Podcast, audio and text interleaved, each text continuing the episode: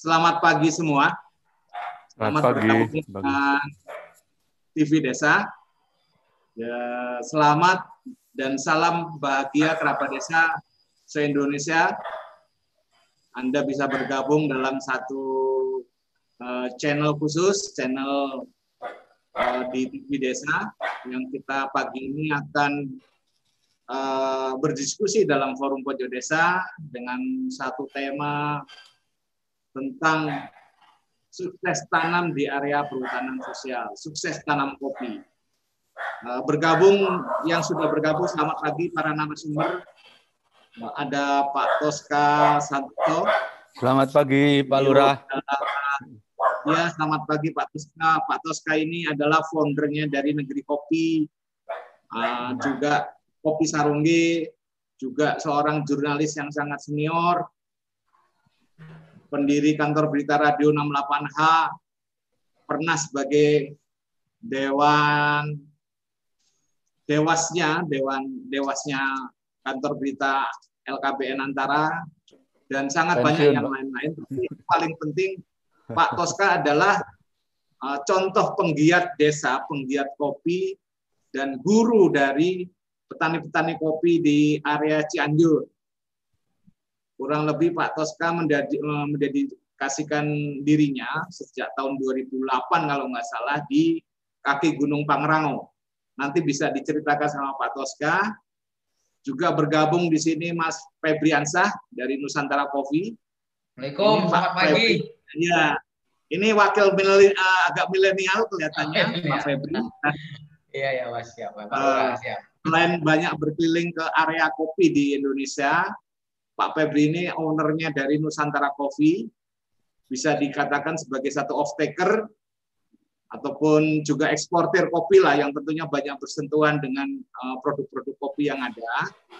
Terus kemudian bergabung juga di sini sudah Pak Miftah. Selamat pagi Mas Miftah.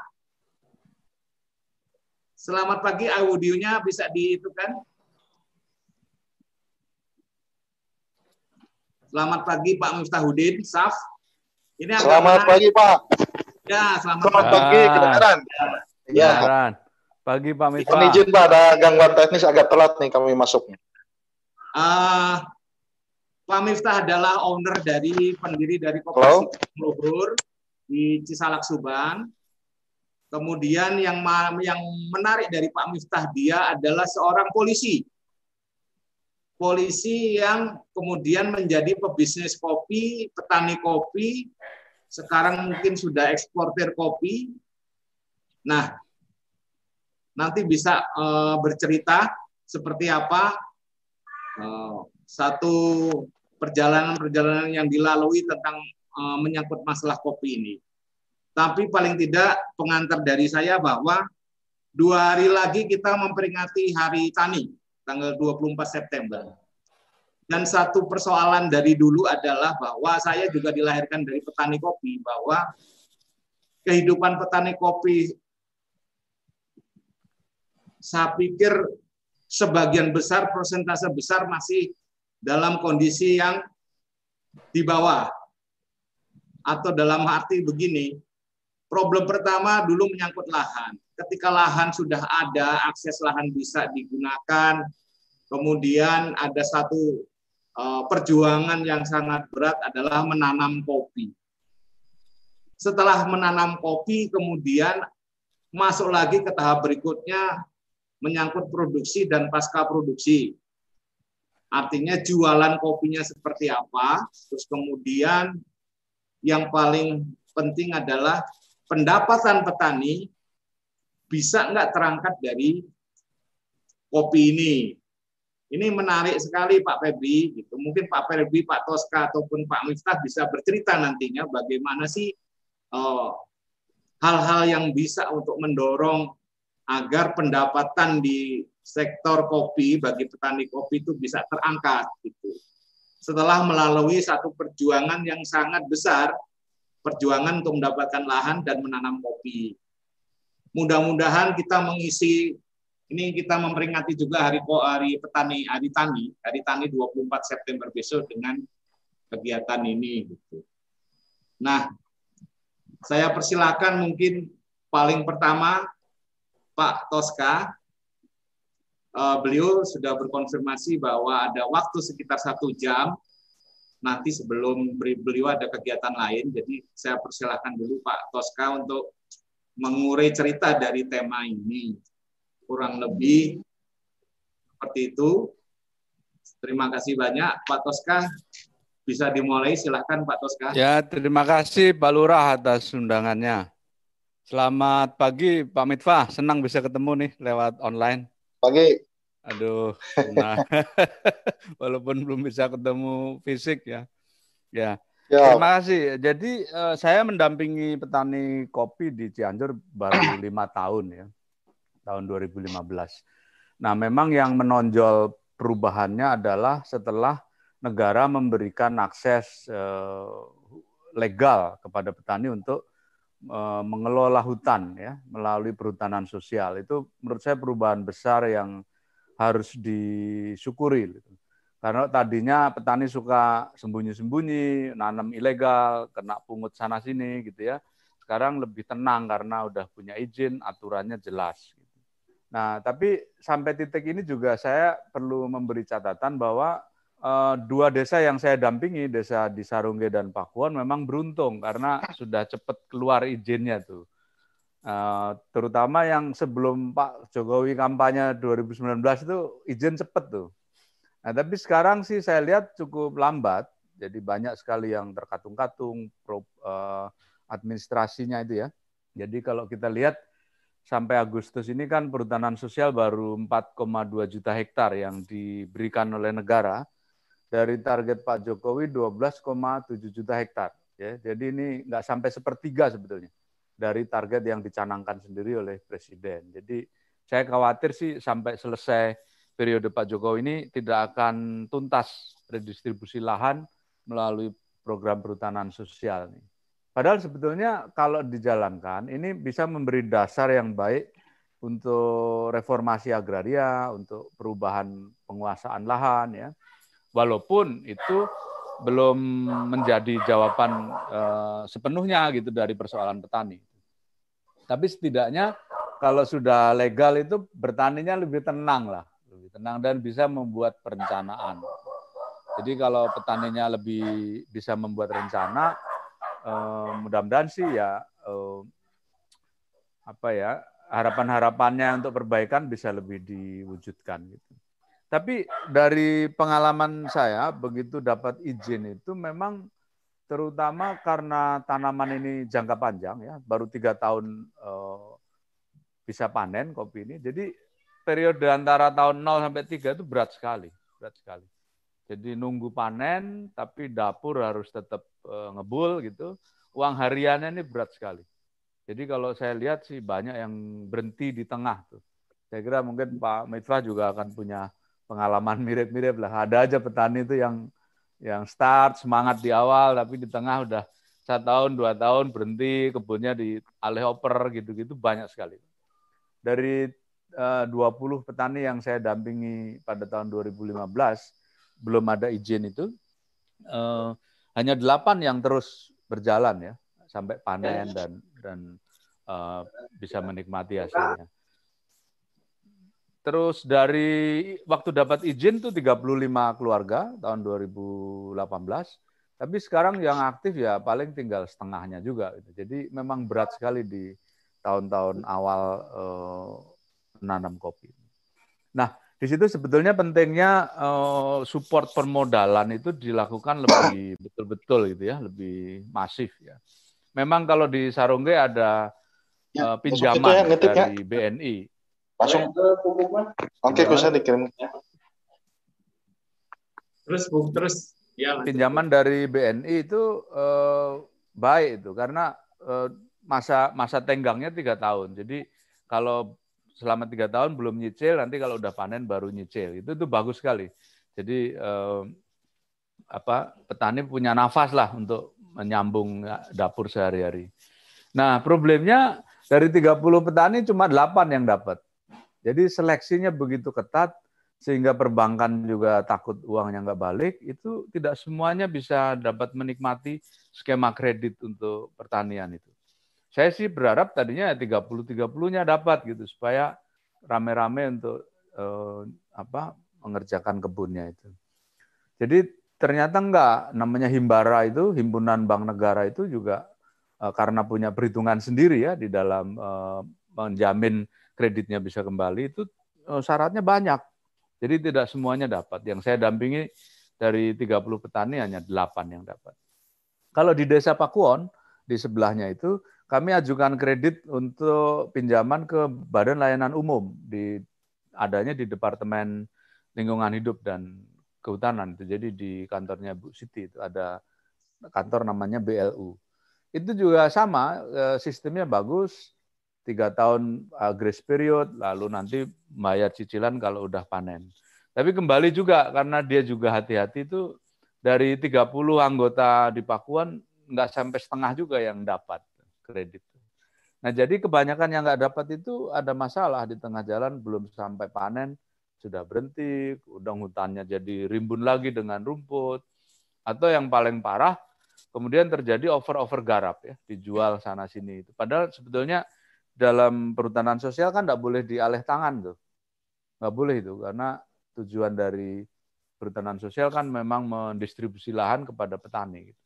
Kalau dibolehkan terus alih lahan alih lahan, itu nanti terakumulasi lama-lama yang punya uang punya banyak sekali itu kebun di perhutanan sosial dan itu tidak sesuai dengan apa ya dengan tujuan dari adanya perhutanan sosial gitu.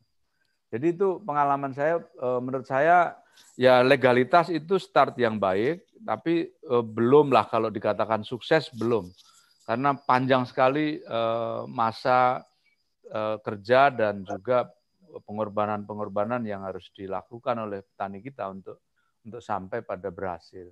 Nah setelah berhasil ya, setelah berhasil panen kan sebagian di Sarongge sudah panen sekarang. Itu kita memang kalau dengan saya kami bikin kontrak untuk supaya harga jangan naik turun gitu. Jadi mereka dapat eh, penghasilan yang relatif stabil. Cuman kalau volume produksinya turun ya terpaksa income-nya turun. Tapi di kebanyakan market, kebanyakan uh, desa hutan yang uh, dapat perhutanan sosial itu juga pembeliannya menurut pasar kan. Kalau kita tahu sekarang dengan dengan situasi pandemi ini oh, harga turun sekali. Jadi ke petani itu kalau tahun lalu cherry arabica yang baik itu 8.000, tahun ini kadang turun sampai 5.000. Turun sudah hampir 50 persen.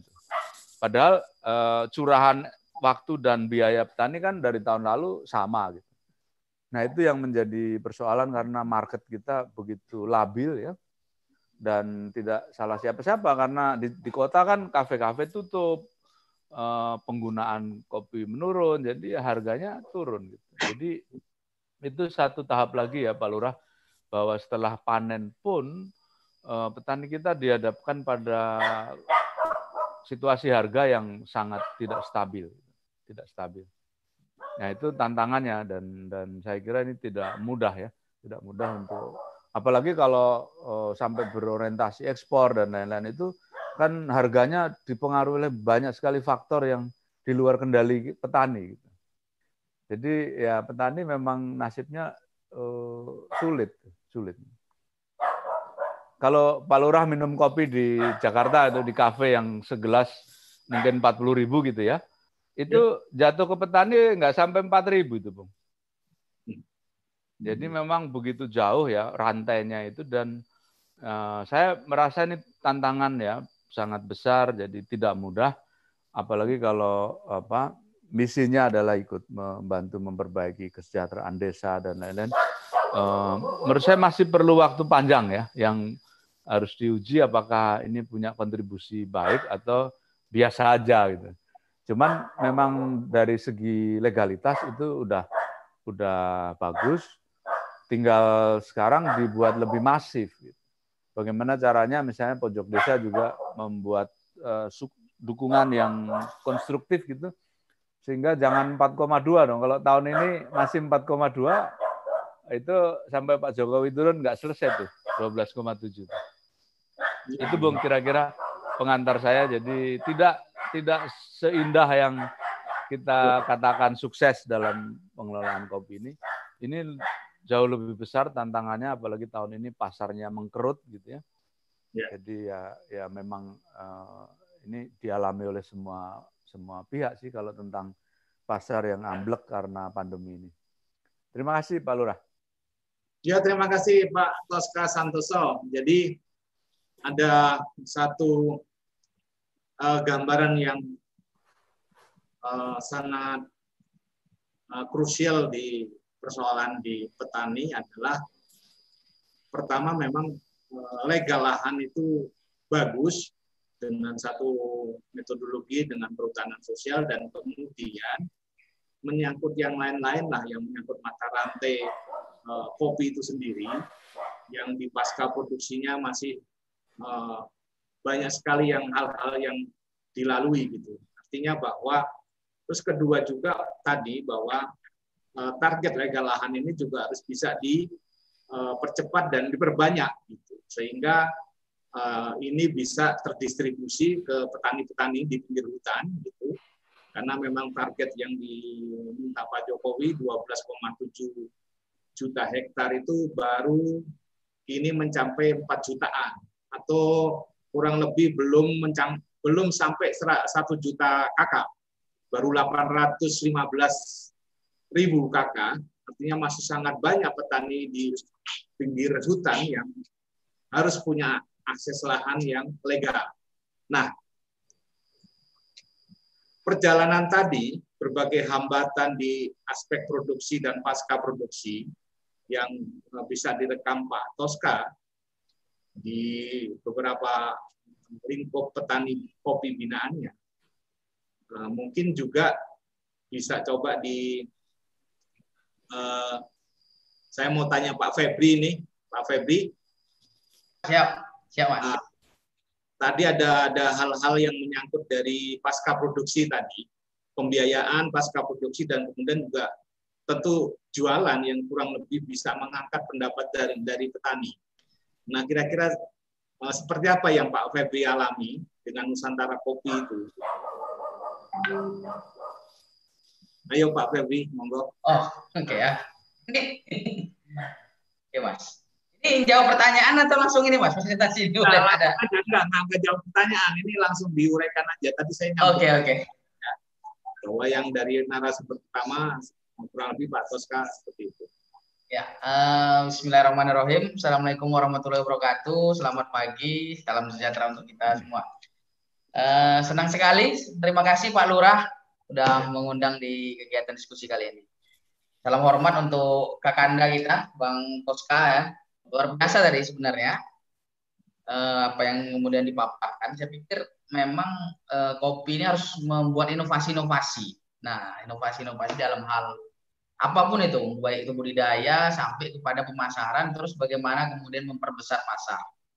Nah, sebenarnya pagi hari ini juga saya mengajak ada teman rekan kita juga, seorang petani milenial dari Gayo sana, dataran tinggi Gayo, Bang Alfian, dan dari Kerinci ada Mas Riono. Nah, beliau telah melakukan model yang kemudian model tersebut mungkin bisa kita adopsi nantinya bareng-bareng yaitu apakah yang dikatakan namanya di dalam sisi pemasaran kopi dengan menggunakan teknologi pemasaran blockchain dan bagaimana kemudian membangun uh, sertifikasi berkelanjutan kemudian melakukan praktek uh, budidaya di sekitar hutan di kawasan perhutanan sosial. Nah, itu salah satu model yang dilakukan dan diadopsi sehingga memang uh, kepastian akan market, kepastian akan traceability dalam uh, produk dari kopi tersebut bisa diakomodir.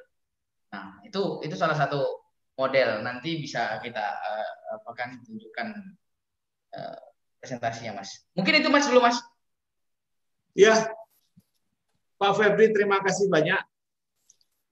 Uh, kemudian saya beralih ke Pak Miftah yang bisa langsung uh, menyambut. Pak Miftah silakan seperti apa uh, perjalanan yang dilalui melalui Koperasi Gunung Luhur, uh, ini Koperasi Petani Kopi di Salak Subang, yang kemudian mengeluarkan kopi Hofland. Nah, bagaimana perjalanan-perjalanan dari awal susahnya sampai sekarang gitu Pak Mutar? Silakan. Baik. Terima kasih Pak Lurah. Assalamualaikum warahmatullahi wabarakatuh. Selamat pagi semuanya, salam sejahtera bagi kita semua. Sebelumnya mungkin kami saya perkenalkan dulu uh, bagi yang belum kenal nama saya Miftahuddin Sab.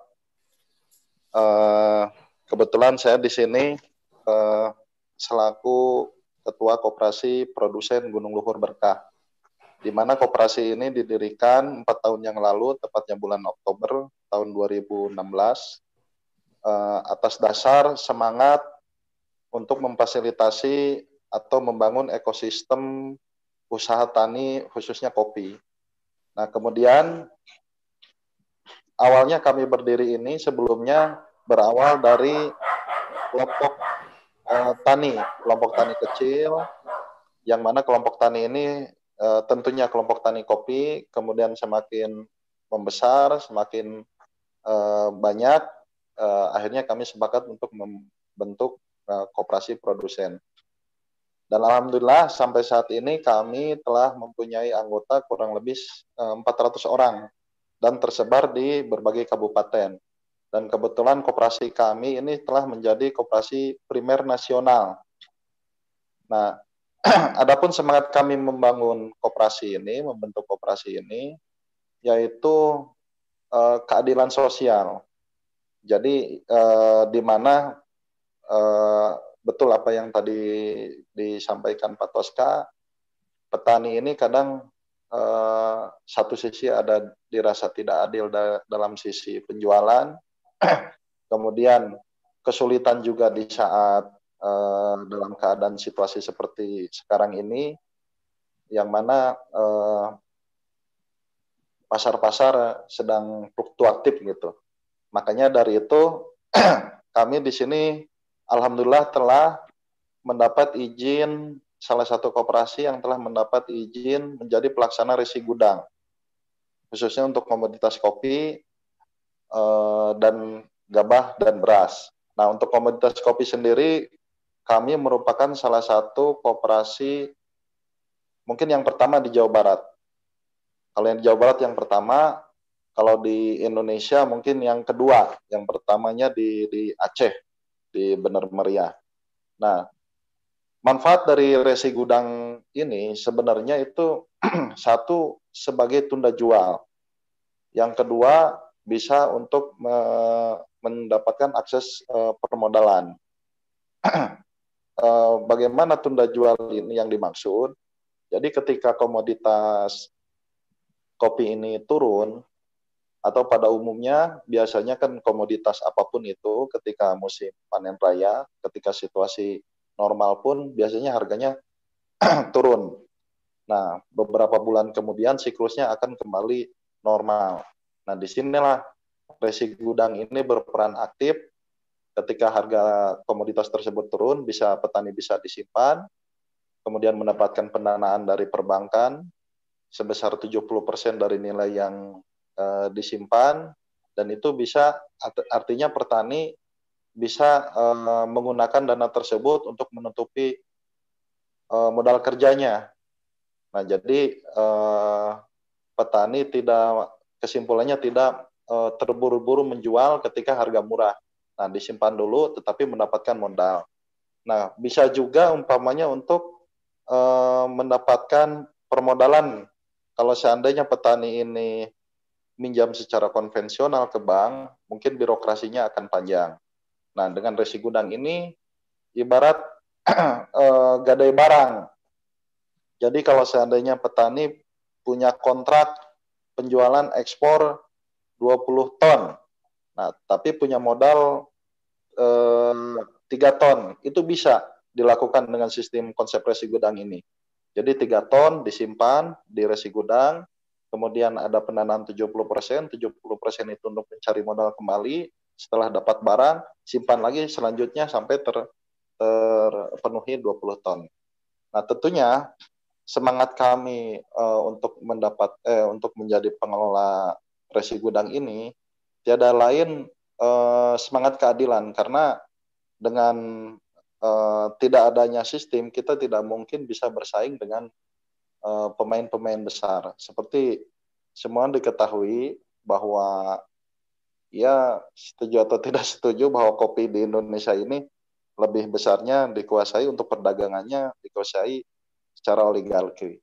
Jadi hanya dikuasai oleh perusahaan-perusahaan besar tentu. Makanya ketika petani-petani kecil seperti kami uh, sangat kesulitan uh, untuk bisa bersaing dengan pemain-pemain besar, makanya tidak ada lain kita harus ada sistem dan bergabung untuk uh, penjualannya. Nah kemudian uh, betul tantangan uh, kami di kebun, kami ketika membangun uh, perkebunan ini uh, yang cukup berat itu di antara tahun pertama sampai tahun ketiga. Jadi ketika uh, proses perawatan kebun ini menunggu sampai panen, di situlah kesulitan-kesulitan kami. Nah, tapi kita ada solusi dengan membentuk koperasi kini, kita bisa mengakses dana-dana dari perbankan, bisa melalui eh, LP LPDB, bisa juga uh, ada program kebetulan kami ini ada kerjasama dengan uh, Bank Jabar, ada ada untuk uh, kur akses pembiayaan perkebunan dan itu bisa pembayarannya uh, bisa per enam bulan atau uh, satu tahun. Nah ini mungkin bisa jadi solusi di rekan-rekan yang lainnya untuk mengantisipasi supaya kebun tersebut selamat sampai panen jadi tidak berhenti di tengah jalan. Nah, kemudian untuk eh, perizinan selama ini yang kami telah laksanakan, memang untuk proses eh, perhutanan sosial ini eh, cukup memerlukan waktu yang eh, lumayan panjang. Eh, kita ada terobosan ke perhutani ini dengan pola PHBM dulu. Walaupun nanti ke depannya bisa sambil menunggu diajukan untuk uh, perhutanan sosial. Jadi selama ini kami yang telah laksanakan melakukan budidaya menggunakan lahan perhutani ini dengan pola PHBM, tripartit kerjasama dengan LMDH setempat, dengan ya tentunya dengan masyarakat, dan itu mungkin bisa eh, pertama mungkin membuat kita tenang dulu lah menggunakan lahan perhutani karena eh, investasinya cukup panjang, jadi kita satu hal yang mutlak bahwa legalitas itu didapatkan di awal. Jangan sampai kita ketika sudah masuk investasi pembukaan lahan ternyata dipermasalahkan di kemudian hari. Nah, dengan pola-pola PHBM ini eh, kita bisa mendapatkan akses eh, atau eh, legalitas ini seminggu dua minggu sudah kita dapatkan. Nah, hmm. gambaran gambaran umumnya mungkin seperti itu. Nah, yeah. tantangan selanjutnya uh, tantangan selanjutnya ya mungkin uh, betul tadi di pemasaran. Maka dari itu uh, syukur kalau seandainya ada sistem yang bisa apa me, me, memanage lah seluruh petani, mengkoordinir uh, supaya ada kesesuaian harga lah kurang lebihnya seperti itu. Mungkin itu sementara Pak Lurah gambaran umumnya dari kami. Ya, terima kasih Pak Miftah. Ini tadi menarik, jadi saling mengisi juga. Jadi satu hal yang tadi sejak awal ditegaskan oleh Pak Toska menyangkut tadi bahwa ada yang hal yang bagus adalah tentang akses lahan yang legal, tapi kemudian proses kemudian adalah ditanam dan pasca tanam itu dengan berbagai hal yang harus dilalui petani, termasuk nanti pasca produksi. Nah, ada juga yang sudah disampaikan sama Pak Miftah bahwa ada beberapa hal yang yang bisa dilakukan mungkin bisa dicontoh oleh teman-teman petani lain bagaimana cara mengelola eh, di pasca tanam termasuk pasca produksi bagaimana juga akses perbankan gitu. Nah Pak Febri sendiri tadi juga memberikan beberapa solusi termasuk nanti ada beberapa petani yang diajak Pak Febri yang dia punya pengalaman bagaimana cara peningkatan terkait produksi yang sudah uh, dilakukan. Nah, mungkin uh, forum saya tawarkan ke teman-teman yang telah bergabung atau mungkin dari petani Pak Febri mau mengisi pengalamannya dulu sebelum kita masuk ke pertanyaan. Ini adakah dari teman-teman yang Pak Febri? Lalu Ya Mas, ya. Nah, dari petani teman petani kopi dari Gayo dan yang dari Kerinci ini seperti apa cerita dia? Kurang lebih gitu. Tentang uh, ya siap Mas. Ya. Mungkin kalau izin kalau uh, boleh saya tampilkan uh, screen sebentar sedikit Mas. Boleh, ya. boleh. Ya. Uh, nanti ada juga uh, kebetulan teman-teman saya, partner saya itu udah standby di, di forum ini Mas. Uh, ya, silakan. Saya, silakan, uh, silakan. Silakan Pak Febri. Ya. Uh,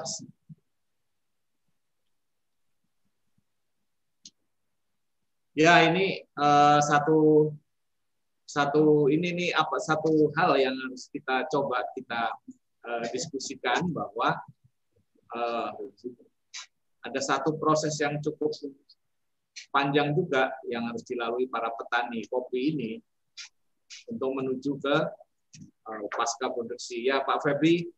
Ya. Uh, mungkin ini ada sedikit uh, slide yang saya buat terkait ini Mas. Uh, nih jadi kita bicara tentang kopi dan perhutanan sosial itu, saya pikir ada harus melakukan inovasi. Yang pertama itu perhutanan sosial itu sendiri. Yang kedua uh, inovasi, itu yang kita lagi coba bangun. Yang ketiga produknya dan yang penting itu adalah berkelanjutan. Saya pikir poinnya.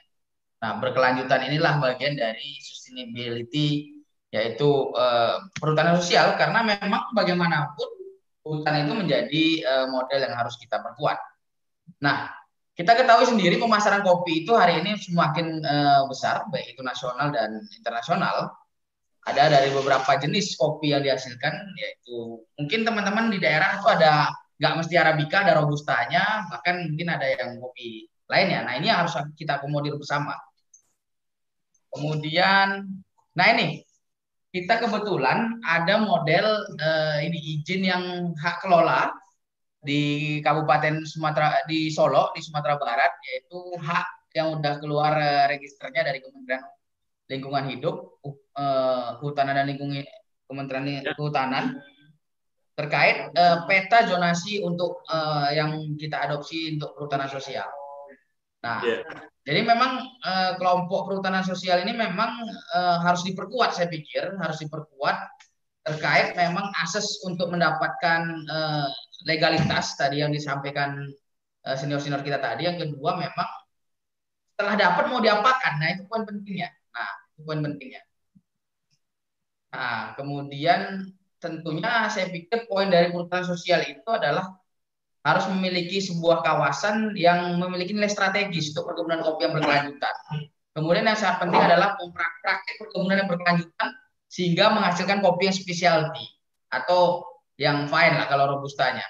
Yang ke selanjutnya adalah memiliki market yang berkelanjutan. Nah ini poin-poin penting. Mungkin kalau specialty teman-teman sudah ngomong, apalagi Bang Miftah itu udah paham kali itu bagaimana kopi tentunya kopi yang baik lah. Tentunya standar uh, skor cupping yang bagus. Nah, yeah. Nah ini ada sebuah model sebenarnya juga yang telah diterapkan ini teman-teman di Gayo nih mungkin Bang Alfian nanti juga bisa menambahkan Eh, bagaimana memastikan bahwasannya kopi yang ada dari perhutanan sosial itu memiliki nilai tambah.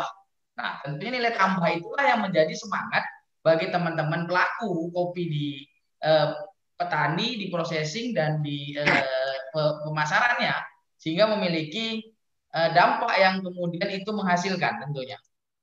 Dampak yang menghasilkan. Nah, ini salah satu modelnya yaitu dari uh, petani dari buyer dan tentunya sustainable kopi itu sendiri. Sustainable itu uh, juga jangka panjang pastinya dipastikan. Ini adalah sebuah model kopi yang sustainable. Mungkin nanti bahannya bisa kita bagikan. Ya. Ada beberapa penguatan di tingkat uh, sosial, bahkan uh, di tingkat kita harus memikirkan di dalam model ini bukan hanya itu praktek kopinya, tapi bagaimana keberlanjutan anak petani kopinya sampean bagaimana kemudian keberlanjutan lingkungannya, keberlanjutan sosialnya dan tentunya menerapkan praktek-praktek budidaya yang benar dan ramah dan dan e, mematuhi protokol lingkungan tadi. Kemudian adanya protek dan uh, adanya protek yang nature yang berkelanjutan ya. Kemudian uh, ini sebuah model ada konservasi biodiversity, ada konservasi natural resources, dan ada improved petaninya dan keluarga petaninya itu sendiri.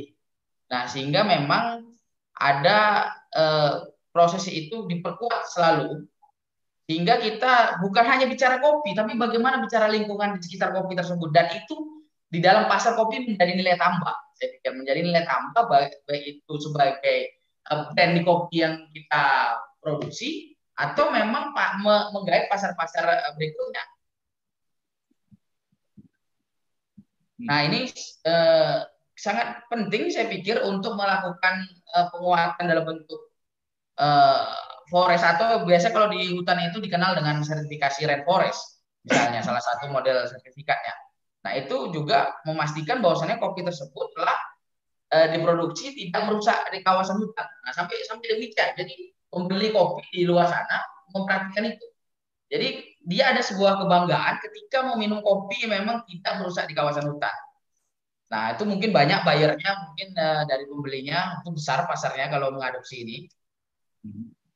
Uh, yang sama. Ini, nah ini saya mau cerita sedikit juga model skema kolaborasi yang dibangun Alko. Di sini juga ada Mas Dono. Alko ini kita lahirkan dulu berangkat dari semangat tidak mengembalikan teman-teman yang berada di kawasan hutan taman nasional bahkan taman nasional di di dalam hutan itu kita kembalikan supaya berkebun di luar itu supaya nah, ini praktek yang sangat kolaborasi. Jadi teman-teman milenial di sana dulu kita juga dampingin dan sekarang alhamdulillah sustainable karena berkomitmen. Nah, itu yang sangat penting berkomitmen melakukan sebuah proses uh, berkelanjutan untuk kopi ini. Nah, sehingga memang ketika komitmen ini juga bisa dirasakan manfaatnya hari ini. Ini ada petani, ada kolektor, ada off taker sendiri. Nah, model ini Nah, nanti dampaknya ada ke uh, bagaimana ekoturism, bagaimana pengolahan sampah sampai bagaimana pemasaran menerapkan SOP. Nah, ini sebuah model yang mungkin bisa diadopsi nantinya di, di yang udah kita praktekkan bersama berkolaborasi untuk memperkuat kopi itu sendiri. Nah, ini juga uh, salah satu misalnya yang ada ya hari ini terkait memang uh, sertifikasi untuk meningkatkan nilai tambah. Nah, nilai tambah misalnya ada rainforest, ada fair trade, ada organik dan lain sebagainya. Ini juga meningkatkan nilai tambah dalam uh, praktek kopi yang berkelanjutan. Hmm. Kemudian saya mau, ah ini dia dalam perkebunan sosial itu sendiri saya pikir banyak celah yang bisa dilakukan, bisa melakukan perkebunan eh, dengan perkebunan samping yang lainnya, kemudian bisa, bisa jadi agrowisata minat khusus. Nah, wisata minat khusus ini yang bisa jadikan model, misalnya menjadikan kopi perkebunan kopi, pertanian organik, kebun buah di sekitar kopi. Nah, ini menjadi sebuah model ekosistem yang berkelanjutan. Ya. Ini contoh agrowisata kopi.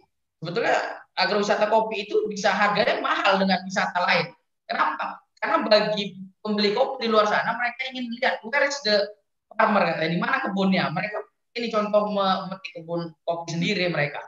Dan ini mereka mau bayar mahal jauh-jauh datang mereka mau bayar mahal. Nah ini bayangkanlah kita kita pernah buat model ini dulu. Yeah. Kemudian eh, bisa membuat produk turunan, saya pikir. Nah, ini produk turunan ini sangat penting dari praktek-praktek kopi tersebut. Nah, ini harus diperkuat adalah di sini ya, di di bagaimana membranding itu tersebut menjadi sebuah kawasan memang dari hutanan sosial. Nah, kemudian integrasi sangat penting juga. Uh, nah, ini segmentasi market. Nah, mungkin saya ber, nah ini saya menyinggung ini sedikit tadi seperti yang saya sampaikan awal tentang kopi yang mengadopsi teknologi blockchain dan itu ada dipraktekkan di Kerinci oleh teman-teman di Alko tadi. Nah ini memastikan bahwasannya kopi tersebut hari ini gini pasar ingin tahu siapa sih petaninya yang yang yang memproduksi kopi tersebut, di mana kebunnya, di mana uh, kebunnya, di mana lokasinya, bagaimana prosesnya. Nah dengan adanya teknologi itu bisa di tracking dengan istilah blockchain atau traceability. Nah ini contoh dari eh, produk kopi Kerinci ini ketika orang minum kopi bisa mengetahui ini petaninya di mana kebunnya eh, di mana ini contoh Mas Sudarmin nih.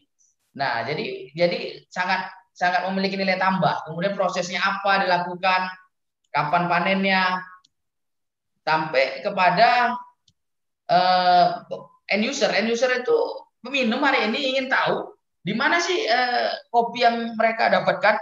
Betulkah kopi dari Kerinci, betulkah dari Gayo? Nah, untuk memastikan itu dengan teknologi blockchain, traceability itu akan akan kelihatan karena ada rantai prosesnya.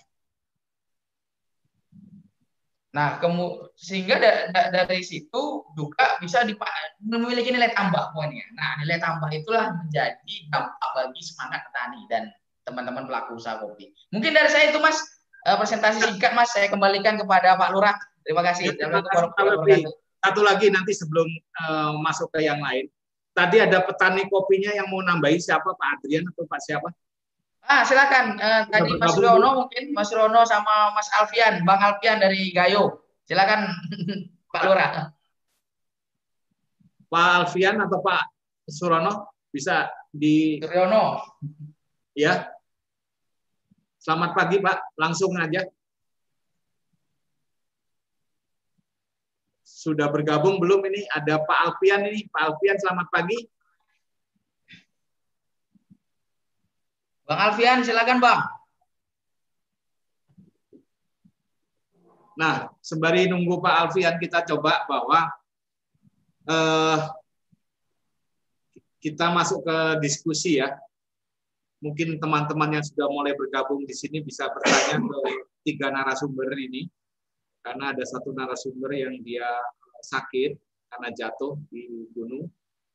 Kita doakan untuk Pak Haji Abu Salim biar cepat sembuh Nah, buat teman-teman yang sudah bergabung untuk bertanya, silahkan saya buka forumnya. Ini menarik sekali gitu. kalau enggak saya juga mau coba tanya ke Pak Toska gitu. Eh, beliau sudah banyak melalui hal-hal seperti ini juga gitu, termasuk menggabungkan dengan kopi dan agrowisata dan yang lain-lain gitu mendorong partisipasi di masyarakat kopi di sekitar desa sana juga Pak Toska, bagaimana nih? Uh, kelihatannya agak menarik sekali yang disampaikan Pak Febi dan Pak Miftah ini, Pak Toska.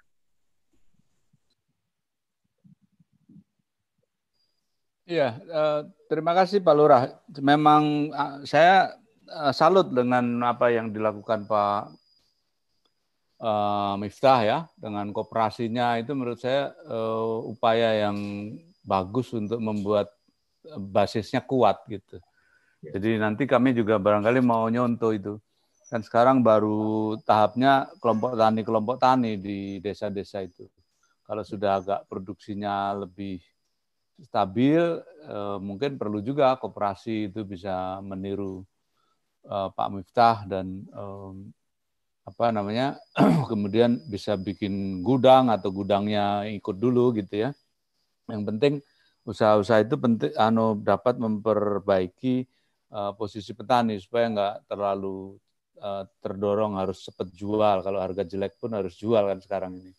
Ya. Ini yang saya kira penting. Tapi ya memang di sarung ini kan belum terlalu besar ya Bung. Dari yang dapat izin itu paling baru 10 persen lah yang mulai produksi itu. Jadi ya ada waktu lah untuk nata kelembagaannya. Ya. Mungkin ya. koperasi bisa jadi jadi apa penting gitu ya.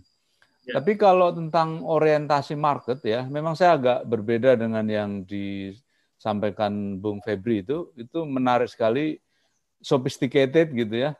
Ada sertifikasi, ada blockchain, ada macam-macam yang yang ya eh, menarik. Tapi saya tidak begitu apa, tidak begitu terkesan untuk ngikut-ngikutin gitu. Karena sertifikasi juga biaya ya kita mau bikin sertifikat, petani beban lagi, koperasi harus bikin sertifikat uh, hijau, sertifikat uh, ramah lingkungan gitu-gitu kan. Kalau pasar di barat itu tuntutannya begitu-begitu itu. Bisa di trace ya misalnya itu masih masuk akal. Kalau menurut saya sebetulnya kita jangan tergantung pada ekspor. Ya. Kita mengembangkan pasar domestik lebih baik. Karena uh, begini, uh, uh, rata-rata per kapita Indonesia itu minum kopinya tiga hari satu cangkir. Tiga hari satu cangkir. Kan rendah sekali itu, beda dengan Australia misalnya satu hari lima cangkir. Atau kalau negara-negara kayak Finlandia, Denmark itu jauh lebih tinggi lagi, itu sehari bisa 8 cangkir. Kalau kita bisa kampanye bersama ya supaya tingkat konsumsi per kapita kita itu menjadi misalnya secangkir sehari aja, itu kan udah tiga kali lipat dari dari uh, konsumsi domestik sekarang gitu. Jadi yeah. dengan begitu seluruh produksi itu terserap dalam negeri. Saya tidak begitu terkesan dengan eh, ide-ide ekspor yang uh, pasarnya sangat volatile ya. Apalagi kemudian ya kalau generasi baru sekarang ekspor itu dikaitkan dengan syarat-syarat yang makin canggih tadi. Jadi sertifikasi lah, kebunnya yang ramah burung, itu dapat sertifikat tuh. Tapi ya mahal gitu-gitu, bayar juga sertifikat gitu.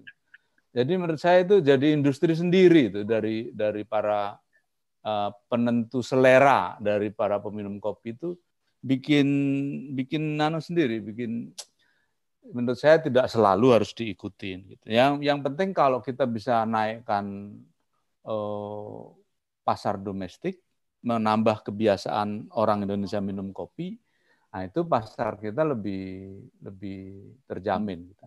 Ya begini, kalau persaingan dunia itu kita kalah di banyak di banyak fundamentalnya gitu ya. Fundamental itu misalnya uh, luasan kebun. Kalau petani kopi kita kan 95% di bawah satu hektar. Ya. Beda dengan Brasil, Brasil kan 10 hektar, 100 hektar. Jadi produktivitas beda gitu.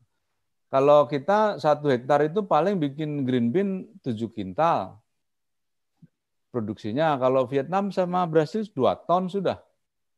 Nah itu kalau kita beradu-adu terus dengan soal ekspor itu, ya kita tertekan. Harga itu tertekan terus. Menurut saya lebih baik kampanye membesarkan pasar domestik daripada kita uh, apa mengikuti terus apa aturan main yang dibikin oleh pasar dunia. Mungkin itu tambahan saya, Bung.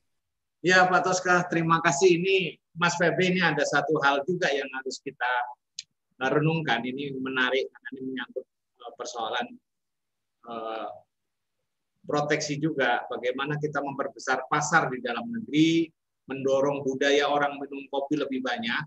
Karena tadi dari dari data kalau kita lihat bahwa bisa diambil rata-rata orang Indonesia minum kopinya jadi tiga hari sekali, gitu, satu cangkir. Ya. Bagaimana dia bisa minum tujuh kali, delapan kali sehari. Tentunya akan bisa menyerap banyak kopi. Nah, itu paling penting gitu. Karena satu, saya pikir kopi nggak akan bikin celaka keurusan yang mana-mana, tapi akan bikin kita produktif gitu loh. Nah, betul, ya kan? Nah, kemudian ini tadi masih menyangkut soal kualitas. Nah, saya mau nanya ke Pak Febri ini dari Pak siapa? Dari Pak Alpian dari Alko. Alko. Ya, dari Alko nih sudah bergabung belum? Saya mau tanya nih. Sudah, sudah Mas. Ya, profiling uh, profilingnya Alko ataupun kualitas kopi petani dengan profil petaninya seperti apa sih? Bisa diceritakan sebentar gitu. Ya, mungkin ini Mas saya jawab tadi sedikit tadi dari ya. Pak Lurah tadi. Ya. Tentang bagaimana kita mengedukasi kopi. Sebenarnya kita bukan hanya mengedukasi, Mas. Udah lama kita lakukan gerakan itu. Bahkan kita membangun brand coffee shop lokal. Banyak sekarang kita dorong teman-teman bikin coffee shop lokal. Tapi kan gini lagi-lagi produksi kopi kita itu besar. Yang minum kopi itu masih sedikit dan itu pun kopi saset gitu loh. Jadi mau tidak mau sisa kopi itu mau kita kemanakan gitu kalau nggak kita jual keluar. Itu aja problemnya. Nanti itu petani juga jadinya. Bahkan itu udah bikin brand kopi shop bahkan sekarang kita gencar untuk uh, dengan teman-teman milenial untuk bukan hanya menciptakan meminum kopi baru membuat market-market di lokal dan brand kopi shop lokal kita perbesar sekarang. Nah itu salah ya. satu upaya kita dengan dengan ya. Alko dengan teman-teman di Gayo. Mungkin itu ya. mas tambahan mas. Yang Alko sudah bergabung belum? Coba saya mau dengar. Alko atau dari teman lain ada yang mau bertanya? Silakan. Ada Pak Dedi dari koperasi mau bertanya, silakan Pak Dedi. Atau kemudian dari Pak Hidrian, atau dari Pak Aswar mau bertanya, atau dari Pak Bambang. Silakan. Ini agak komunikasi dengan Alku agak ini.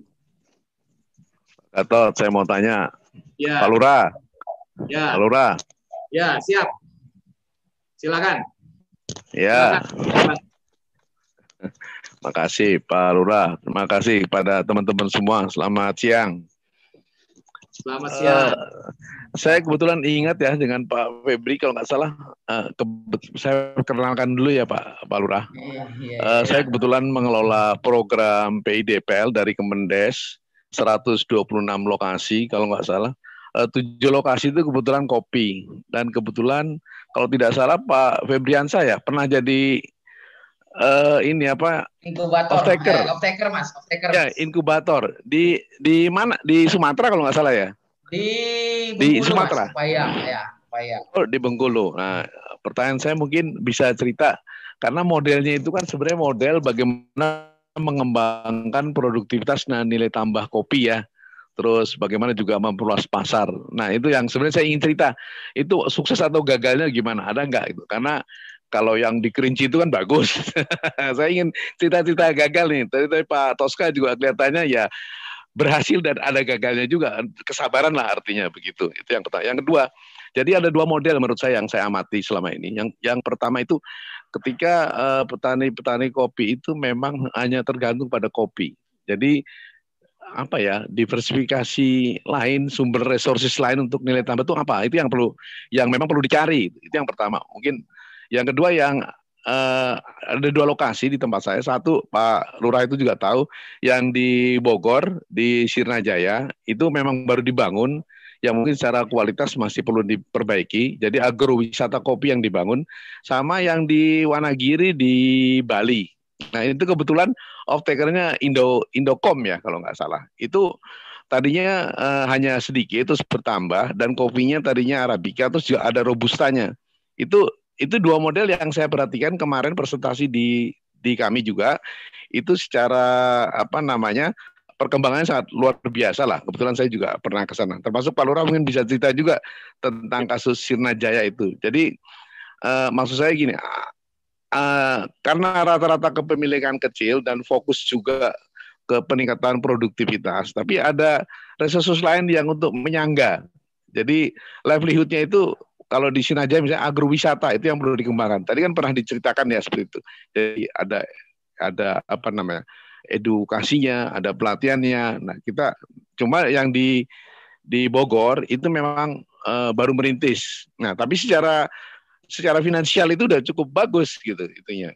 Terus kalau yang di Bali ya Bali lah tahulah tanpa disentuh pun mereka ini pun saya lihat perkembangannya luar biasa ya itu kasus khusus lah kalau Bali. Nah, terus yang hal lain uh, saya setuju dengan jadi soal pembagian pasar lah. Mungkin ya ekspor juga oke okay, tapi uh, domestik juga oke. Okay. jadi permintaan efektif kita memang ini kan masih rendah. Kaitannya memang uh, tidak hanya soal selera tapi juga soal daya beli. Cuma kita melihat perkembangan dua tiga tahun inilah karena kopi itu terus digencar-gencarkan di marketing di marketingnya luar biasa orang pun mulai mulai berubah kan sebenarnya dan ada diferensiasi produk, ya kan ada macam-macam dan harga gitu, segmentasi. Gitu. Nah, yang paling penting kita melihat begini. Jadi kopi di sisi uh, hulu hulu uh, hilir hilir ya, yang paling belakang itu itu dilihat sebagai industri ya semuanya kalau saya lihat. Jadi varian produksinya kan banyak sekali. Dia nggak hanya minuman, tapi juga mungkin ada farmasinya, ada gaya hidup yang lain, ada kecantikannya kayak gitu. Itu yang kelihatannya harus dipikirkan. Jadi kalau bicara kopi berarti bicara dalam dalam kerangka industrialisasi nah, berbasis nah bagaimana keberlanjutan tetap terjaga. Nah, tadi kan soal legalitas itu memang paling tiga itu syarat perlu, tapi belum cukup ya kan? Legalitas saja ternyata banyak kasus yang akhirnya ada problem modal lah problem macam-macam seperti itu. Kira-kira tuh poin, poin saya pak. Pertanyaan saya mau klarifikasi yang di Bengkulu itu. Yang kedua uh, soal yang tadi saya jelaskan itu. Jadi perlu industrialisasi kopi yang memang perlu dipikirkan sama teman-teman untuk itu dan basisnya itu memang uh, basis kepemilikan domestik gitu. Dan pasar juga bisa pasar domestik. Gitu Pak Lurah. Makasih maksud saya ya Pak Bambang terima kasih. Tadi saya catat dari Pak Bambang memang ada industri tapi juga um, lebih membela ke domestik pembesaran pasar domestik. Nah mungkin biar Pak Santoso bisa menambahkan sedikit ini beliau tadi sudah uh, izin akan uh, akan meninggalkan dulu pukul 11. Pak Toska mungkin bisa direspon teman-teman tadi, Pak Bambang. Ya, ya terima kasih. Saya uh, apa uh, memang harus mencari diversifikasi dari supportnya petani itu penting sekali. Nggak boleh hanya kopi karena kopi kan panennya hanya dua kali ya, panen raya sama panen sela sedikit sekali gitu. Jadi kalau nggak ada uh, support lain itu bisa yang kita kenal dengan namanya penyakit Nicaragua. Jadi ada kelaparan besar di Nicaragua yang berulang karena kalau habis panen kopi selesai itu uh, situ nggak ada income lagi. Nah ini yang bahaya. Kalau kami di Sarongge mencoba kembangkan hutannya, jadi naungan kopinya kita bikin dari kita tanam alpukat, kita tanam pete, tanam itu jadi juga menjadi tambahan. Lalu bawahnya itu ya per eh, ternakan kambing dan lainnya kita coba lah. Memang itu juga udah kebiasaan petani untuk untuk apa ya selalu punya sumber yang tidak hanya satu. Saya kira itu benar sekali dan saya minta maaf karena saya harus uh, apa janji jam 11 itu. Terima kasih Mas Febi dan uh, Pak Mitfah ya. Lain kali bertemu lagi. Ya Pak, ya. siap Pak. Terima kasih Pak ilmunya Pak. Terima kasih. Terima kasih Pak Toska. Terima kasih banyak. Ini menarik kasusnya. Sayang banget kalau jam 11 sudah sudah ini. Tapi uh, mungkin saya coba uh, kembali ke Alko ke Pak Adrian atau Pak Suryono. Pak Suryono sudah bisa. Silahkan Pak tadi ada yang tertinggal sedikit soal cerita seperti apa sih bicara tentang kualitas. Baik, Pak. Silakan. Ya. Uh, Assalamualaikum warahmatullahi wabarakatuh. Salam kenal ya. dari Koperasi Alko Kerinci. Kami adalah koperasi yang basisnya adalah pencipta alam. Jadi tujuan koperasi kami awalnya adalah bagaimana menurunkan para penebang hutan yang ada di ya bagaimana menurunkan eh, penebang hutan yang ada di Kerinci di Gunung Kerinci waktu itu sehingga ada program penanaman kopi bersama Mas Febri waktu itu. Nah salah satu teknologi yang coba kita terapkan di pertanian kita adalah bagaimana peningkatan produktivitas karena salah satu masalah besar ketika kenapa petani lebih memilih menanam di kawasan lereng gunung adalah karena beranggapan bahwa produktivitas lebih tinggi. Padahal secara ekonomis ketika kita hitung biaya dan semuanya itu bisa dengan hanya meningkatkan ke produktivitas di ya. kawasan di bawah. Pak Sur bisa dibuka kameranya? Dibuka kameranya Pak Sur. Ya, Pak, lanjut, lanjut, lanjut, terus, terus, terus. Ya, terus. Karena terus. Lagi di gunung Pak, takut sinyal hilang. Terus. Ya, jadi uh, kami dari anak muda ini kemudian membuat satu konsep bisnis untuk peningkatan produktivitas dan juga peningkatan nilai jual dari produk kita. Sehingga kita membuat diferensiasi yang dibilang Pak Toska tadi ya bahwa ketika siapa pun yang membeli produk kami, mereka mereka akan bisa men-tracking siapa petaninya, kondisi ekonominya, kebunnya di mana, luasannya berapa dan akhirnya muncul sebuah teknologi yang yang kemudian bekerja sama dengan Jepang saat ini, teknologi traceability copy dan hmm. itu uh, meng mengadopsi sistem blockchain waktu itu. Nah, hmm. teknologi ini yang kemudian kami jual secara internasional saat ini ke beberapa negara, misalkan di Amerika, bayar-bayar kami di Inggris, di Swedia, Norwegia dan semua itu menggunakan traceability ini sebagai sol salah satu solusi di masa pandemi salah satunya karena konsumen mau membutuhkan traceability itu. Ya. Akhirnya dari penjualan ini ada peningkatan harga yang kami rasakan. Saat ini kopi kami kemarin ke Jepang masih dihargai 7,2 dolar. Nah, kemudian di, di yang baru berangkat tanggal 20 ini ke Norwegia itu kami masih dihargai 7,7 dolar. Hmm. Kemudian di New Zealand, kemudian di mana itu dengan menggunakan teknologi traceability kami jualnya. Sementara dengan tidak menggunakan itu di Malaysia kemarin kami hanya dibayar 5,5 dolar saja. Nah, ini artinya salah satu apa, uh, cara kita untuk meningkatkan value tadi. Yeah. Nah, kalau pasar internasional kenapa saat ini masih menarik? Karena pro, itu tadi konsumsi per kapita kita masih kecil udah dibilang tadi. Per tahun hanya 1,2 kilo itu rata-rata penduduk Indonesia. Artinya contohnya saja yang kami yang kecil di Kerinci ini kami eh, produksi kami per tahun baru 1000 ton. 1000 ton ini 97% diekspor, 3% saja dijual di lokal. Karena itu yang maksimum yang bisa di, di, diserap oleh lokal. Nah, hmm. akhirnya mau tidak mau pasar internasional atau pasar ekspor menjadi target. Sehingga bagaimana menjual ini kemudian nah yang dilakukan kawan-kawan mengembangkan teknologi atau apa pun yang bisa meningkatkan add value tadi. Yeah. Nah, ide awal kami adalah bagaimana mempertemukan antara petani yang hanya panen 100 kilo yang punya setengah hektar tadi, kami yakin ada juga pembeli di luar negeri sana yang kemudian bisa hanya butuh juga 100 kilo. Nah, bagaimana mempertemukan mereka? Sehingga muncullah satu aplikasi yang kami sebut Alco Mobile yang saat ini menjadi copy traceability. Di situ menjadi tempat pertemuan mereka dan itu sudah dilakukan oleh petani-petani beberapa petani kami. Petani ya. kami ada yang ekspor hanya 300 kilo, 400 kilo misalkan ke ke mana-mana gitu. Nah ini ini yang yang menjadi terobosan kami. Nah, ya. Alkos sendiri saat ini anggotanya ada 650 petani dan kita punya saat ini 450 eh, hektar kopi di Kerinci. Nah, produksi hmm. kita 500 ton per tahun saat ini. Ya, ya. Nah, gitu Pak. Jadi ini yang yang saat ini coba kami kembangkan. Sebenarnya ini hanya ide di anak muda bagaimana mengembangkan itu. Bisnis intinya tetap kepada peningkatan uh, uh, apa produktivitas tadi dan juga ekonomi petani. Satu lagi, kooperasi kami adalah kooperasi anti mainstream, Pak. Jadi kooperasi kami tidak ada iuran pokok, iuran wajib, yang ada SHU. SHU ya. bisa dilihat oleh petani di, di web kami setiap tiga bulan sekali. Ya. Itu informasi ya, ada. Itu yang Pak. Ya. ya. Terima kasih Pak Suryono. Uh, Pak Febri, ini coba detailnya tentang traceability seperti apa? Coba dibantu saya diceritakan biar teman-teman yang lain juga bisa mengadop soal ini.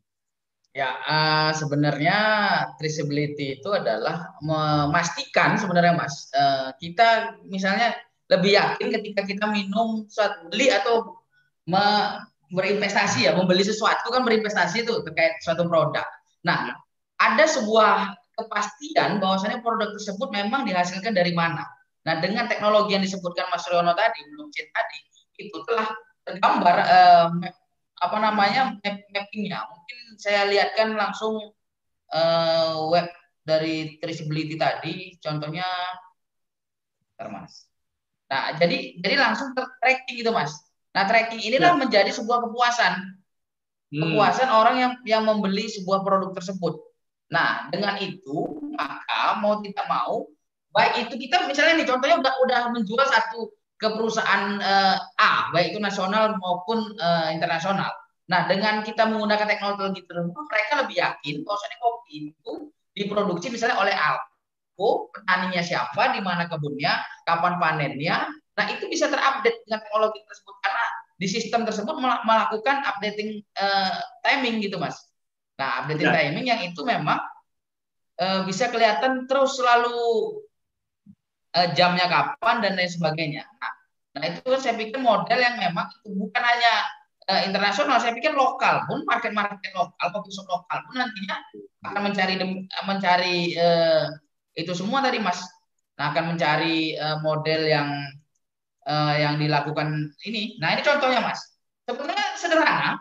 Sebetulnya teknologinya ini ini ya ini contohnya ini kan ini kerinci ini yang diadopsi tadi jadi blockchain. Ini masuk Darmin petani peminum kopi sangat bangga saya pikir dengan mengetahui kopinya berasal dari kebun Mas Sudarmin.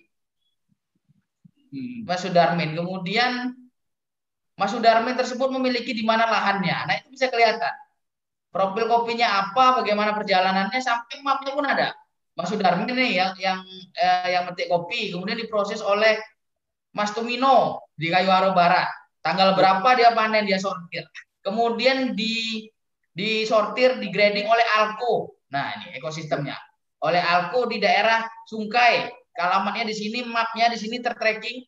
Kemudian di di roasting oleh Blue Kerinci. Nah, ini sebuah kopi shop yang tadi jawaban uh, supaya orang minum kopi. Ini salah satu brand yang timbul akibat adanya eh, supaya minum kopi di Indonesia itu tinggi gitu biar nggak kita jual keluar. Kalau bisa itu permintaan teman-teman ini nggak perlu kita jual keluar. Kalau memang udah banyak minum kopi nah ini salah ya. satunya. Nah, yeah. kemudian eh, disajikan oleh Blue Green Tea. Nah ini terkelihatan. Nah ini proses kopinya bagaimana di sini? Nah karena peminum kopi hari ini udah mulai cerdas mas. Dia tak, tak, tidak mau dibohongin dari mana kopinya, bagaimana prosesnya. Saya pikir itu menjadi uh, nilai tambah bagi bagi peminum kopi ketika mereka mengetahui kopinya dari mana. Kemudian yeah. sampai mapnya. Nah ini sangat penting. Jadi tidak bisa dibohongin karena ini terbuka. Gitu. Mapnya di mana? Ini terupdate, nggak bisa dimodifikasi. Bahwasanya memang benar-benar uh, kopi tersebut dihasilkan. Belum lagi edukasi tentang informasi tentang kopinya itu sendiri. Ya. Nah, dengan adanya begini, maka daya beli dan kepastian membeli itu tinggi. Itu itu poinnya sebenarnya. Dan dan share benefitnya itu ada. Nah, itu poin pentingnya. Nah, ya. poin pentingnya itu. Mungkin ya. itu Mas. Terima kasih ya. Mas. Ya, Pak Febri itu menarik, menarik sekali tadi gitu. Nah, takut ada yang lupa juga. Ini Pak Miftah masih dengar saya enggak gitu. Uh, ini juga ada dari koperasi juga. Coba Pak Dedi bisa didengar saya Pak Dedi? Nah, ya halo, ya Pak. Nah, saya mau dengar ceritanya Pak Dedi. Ah, Pak Dedi seperti apa ya. cerita soal koperasi? Nah, seperti apa? Ya, terima terima kasih Pak Lurah. Hmm. Ya. Salam salam hormat buat rekan-rekan semuanya. Selamat siang, Mas Febi. Mas Febriansah ini sudah pernah berkunjung ke Gayo ini. Guru kita nih. Mas apa? Hmm. Mas Gatot. Ya, ya, ya. Di sini saya tertarik dengan paparan dari Mas Pebi, kemudian dari Pak Toska tadinya, yang luar biasa sekali saran-sarannya.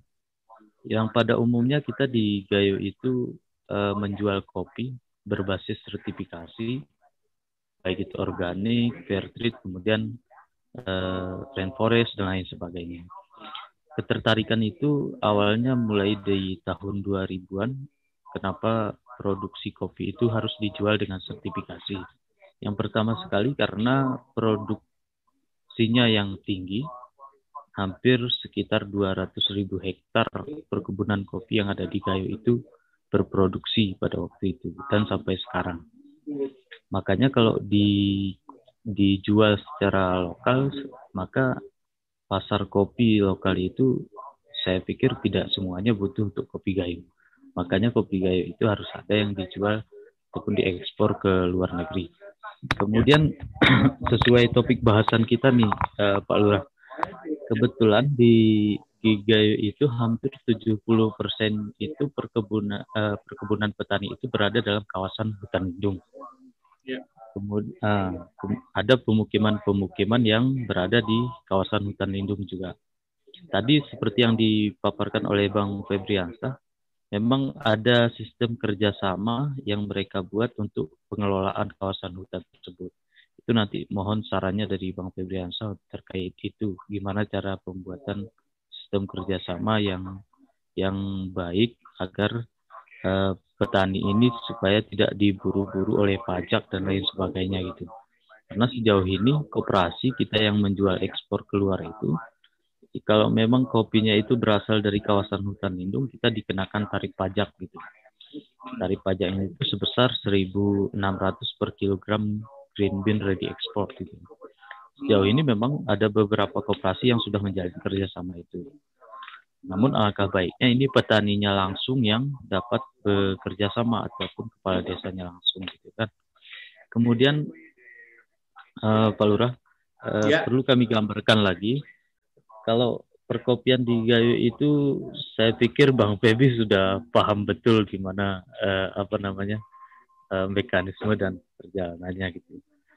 Dari semenjak saya lahir saya sudah sudah lihat pohon kopi gitu namun tidak sepenuhnya saya tahu bagaimana uh, apa namanya spesifikasinya tentang kopi itu sendiri. Sekarang ini kita koperasi punya anggota sekitar 1.700-an ya. yang produksinya ya ya uh, kita ekspor dulu. Ya. itu nggak ada kita jual di lokal gitu. Ada sih, tapi sedikit gitu. Dan memang pasar-pasar lokal itu kita belum banyak tahu, seperti di Jakarta, di Bandung, dan lain sebagainya. Nanti ya. kalau memang ada rekan-rekan punya jaringan yang luas untuk pasar lokal, nanti bisa di-share juga gitu.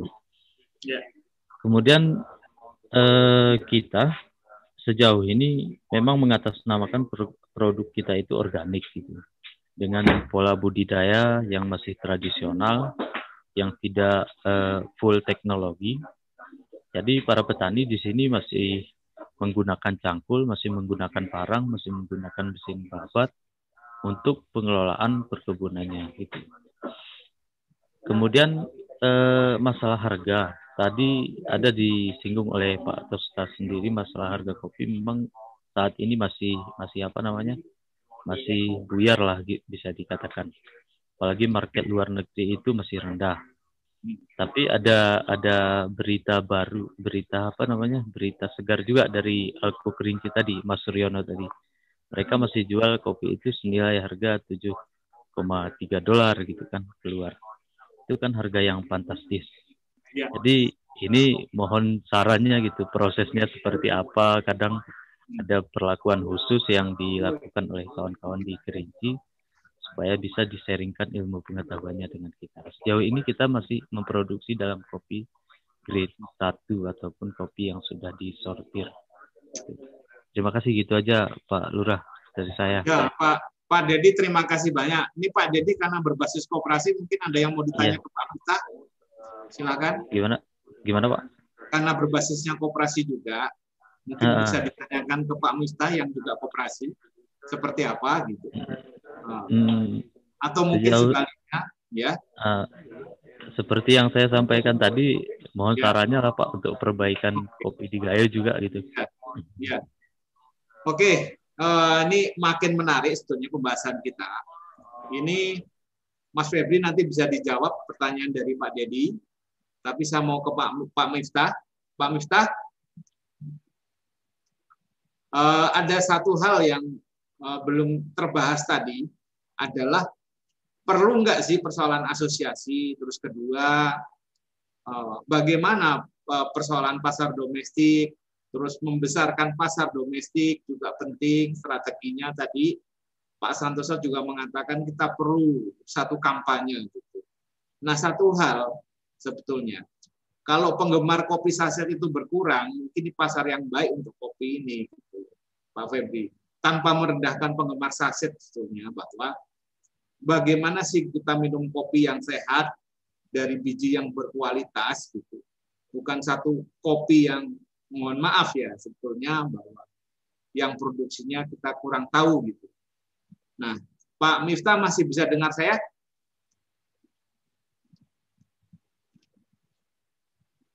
Nah, Mas Febri bisa dijawab dulu mungkin pertanyaan Pak Dedi. Silakan. Ya, uh, mungkin pertanyaan Bang Dedi ini saya kenalkan juga Bang Dedi ini sebetulnya guru kita dengan Mas Rono juga itu kita dulu Gayo. Nah, tadi terkait teknologi blockchain minggu depan itu uh, eh, yeah. rekan dari yang mendevelop teknologi itu akan datang ke Sumatera Barat. Kita akan jadwalkan ke Gayo jawabannya dan kita akan segera okay. mengadopsi membangun mantap, blockchain mantap. di Kopi Gayo bersama dengan yeah. yang dibangun oleh oleh Bang Dedi itu bang jawabannya Bang. Langsung kita diskusi. Iya, yeah, mantap. Kita udah mantap, udah mantap, diskusi beberapa hari lalu dengan Bang Alfian. Mau tidak mau yeah. kita harus adopsi yeah. teknologi seperti yang dilakukan oleh Mas Lono. Ini itu poin penting kan. Nah itu. Yeah. Udah, profilnya udah masuk Bang, udah pro dalam digarap oleh teman-teman dari Emurgo lagi digarap itu mungkin minggu depan kita di Sumatera Barat mau meeting. Setelah itu mungkin kita mau ke Gayo lagi Bang. Itu ya, menarik, mantap, mantap. Menarik sekali Pak Febri, menarik. Satara Kopi ya. luar biasa. Nah ini uh, kalau sudah bergabung Pak Musa bisa menjawab. Nah terus kemudian ada ini dari Malang ada Pak Saiful nih. Mas Saiful mau menambahkan gitu, ada satu uh, hal yang menarik di perjalanan di kopi ini. Gitu. Atau Mas Bambang mau menambahkan, Pak Bambang Baik, kalau uh, sembari menunggu koneksitas, uh, Pak Aswar masih bisa dengar saya, Pak Aswar? Pak Aswar Lamo?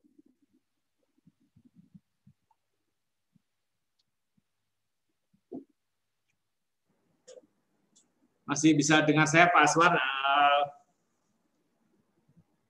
Mas, Mas Febri, ini kita sebetulnya perlu asosiasi yang bisa mendorong ini nggak sih, Mas? Sebenarnya Mas, eh, semua elemen dalam eh, implementasi ini sangat dibutuhkan. Mau apa pun iya. perannya, ya. untuk bahasa bahasanya. Ya. Mau apa pun posisinya karena di dalam ekosistem ini semua terlibat. Nah, dan enaknya bisa bisa masuk dari bagian ekosistem. Nah, baik itu nah. sebagai misalnya profesional, di situ bisa melakukan misalnya audit atau melakukan kontrol quality. Nah, itu. Nah, ya. di, di sisi petaninya dia memproduksi, di sisi prosesinya jadi bahkan kalau menurut bahasa Mas Rono kita tidak membunuh tengkulak, kita merangkul tengkulak. Nah, demikian bahasa menarik beliau di prakteknya. Jadi tidak ya, ya. tidak ada yang uh, diganggu dalam hal ini khususnya. Bahkan uh, kita bangun namanya kolaborasi, kolaborasi yang memiliki benefit. Nah itu poin pentingnya. Ya, ini menarik. Ini Pak Miftah sudah bergabung. Pak Miftah tadi ada satu paparan yang menarik dari uh, koperasi Pak Dedi, dari koperasi teman-teman di Gayo gitu. Bisa saja sebetulnya eh, persoalan-persoalan eh, pembesaran pasar domestik eh, juga menyangkut budaya meminum kopi karena itu juga penting untuk membesarkan pasar domestik. Terus kemudian juga menyangkut asosiasi untuk pembelaan pasar juga gitu. Mungkin bisa diceritakan sama Pak Mita sekaligus menjawab teman-teman tadi. Pak Mita silakan masih didengar nggak Pak Miftah? Coba di, uh, bisa menjawab teman-teman tadi ya. Baik Pak, mohon maaf nih gangguan apa uh, sinyalnya nih, gangguan teknis agak kurang bagus. Baik, ya. sangat menarik sekali nih uh, Pak Febri yang terkait. Saya tertarik, uh, tertarik terkait uh, sistem blockchain ya. Memang sistem blockchain ini uh, sekarang sudah banyak diterapkan oleh negara-negara uh, maju, khususnya Cina, uh, yang mana sistem blockchain ini sementara baru digunakan untuk uh, apa skala industri ya, produk-produk uh, industri. Dan ini mungkin Pak Febri di ini kan untuk komoditas kopi. Nah, uh, kami setuju, memang ke depan masa depan uh, manajemen logistik atau uh, sistem bisnis kita ke depan ini akan mengarah ke sana sepertinya. Masa depan uh, distribusi logistik ini akan uh, mengarah ke sistem blockchain. Nah, perlu yang tentunya yang perlu kita perhatikan tiada lain yaitu kualitas, Pak. Kualitas di sisi petaninya kita perlu edukasi dan kemudian jaminan kualitas dan harga dan ini bisa juga di, di apa dilengkapi dengan apa tadi sertifikat-sertifikat yang uh, perlu diadakan yang memang kita harus mengikuti hal-hal tersebut mau tidak mau supaya produk kita diakui dan bisa bersaing di pasaran dengan menempuh sertifikat-sertifikat tersebut. Nah, selanjutnya yang tidak kalah pentingnya betul tadi apa yang disampaikan Pak Toska, kita memang perlu kampanye uh, minum kopi nasional.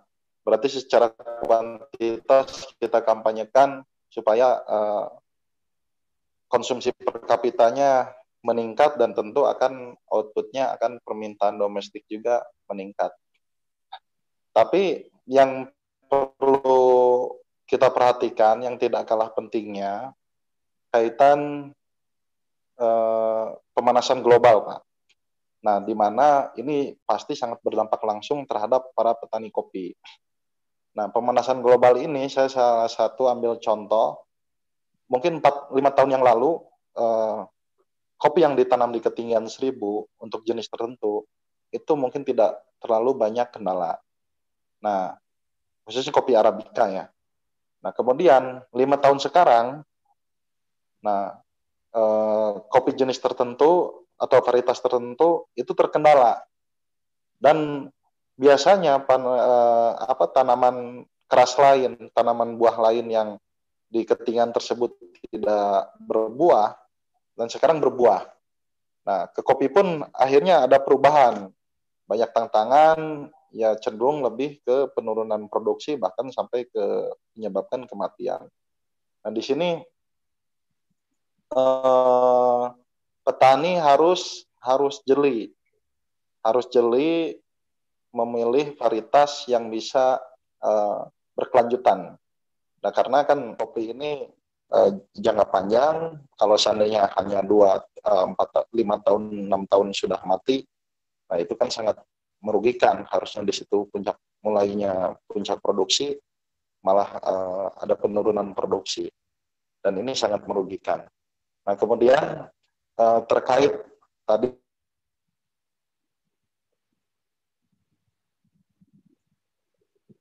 Ya.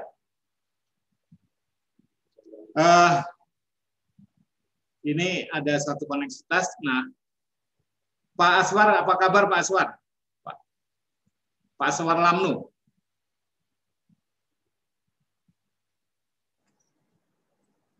Mungkin saya mau dengar uh, seperti apa cerita di tempat Pak Aswar soal kopi juga. Halo, Assalamualaikum. Waalaikumsalam Pak Aswar. Jadi saya berada di Aceh Jaya dan ya. di Aceh Jaya itu ada nama Filamno. Dan saat ini eh, turunan kopinya udah dimodifikasi menjadi terus kemudian eh, dijual ke ke Banda Aceh. Namun eh, produksinya nggak nggak banyak, tetapi punya cita rasa yang lumayan dikenang sama orang yang sudah pernah minum kopi Lamno gitu.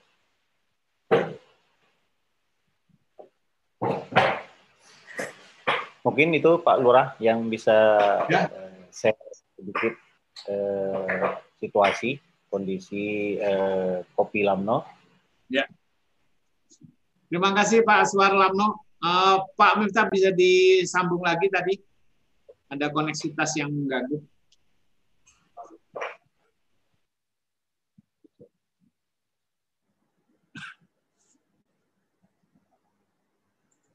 mungkin harus cari sinyal. Nah, Pak Febri, uh,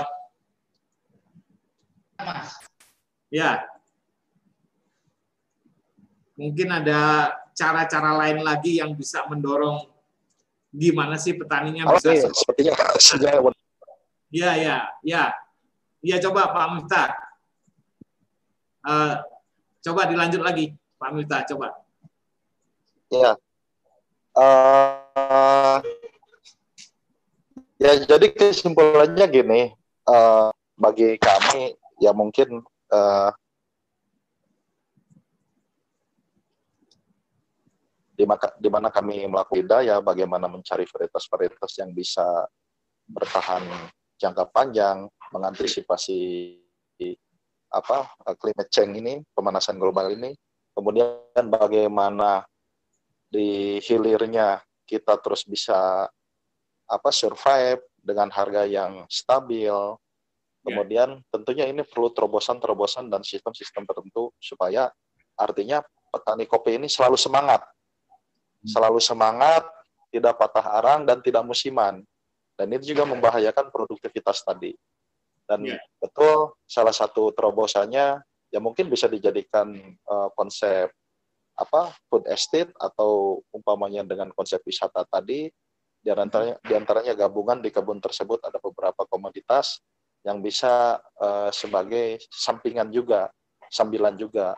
Kalau kami di kebun uh, ada menyesuaikan dengan jeruk, lemon di antaranya. Ada juga ya. dengan alpukat atau tanaman-tanaman yang menghasilkan uh, yang mempunyai nilai ekonomi yang lumayan. Nah, ya. uh, memang unik uh, bagi kopi sendiri ini uh, sangat sangat uniknya uh, uh, kita menuntut petani ini harus terus berkreasi, harus terus berkreasi uh, supaya tetap survive lah. Kurang lebihnya seperti itu mungkin Pak Lurah. Iya, Pak Miftah, asosiasinya Halo. penting nggak itu kalau asosiasi? Kalau asosiasi penting juga kan untuk mendorong kualitas Halo. juga, ya. Ya,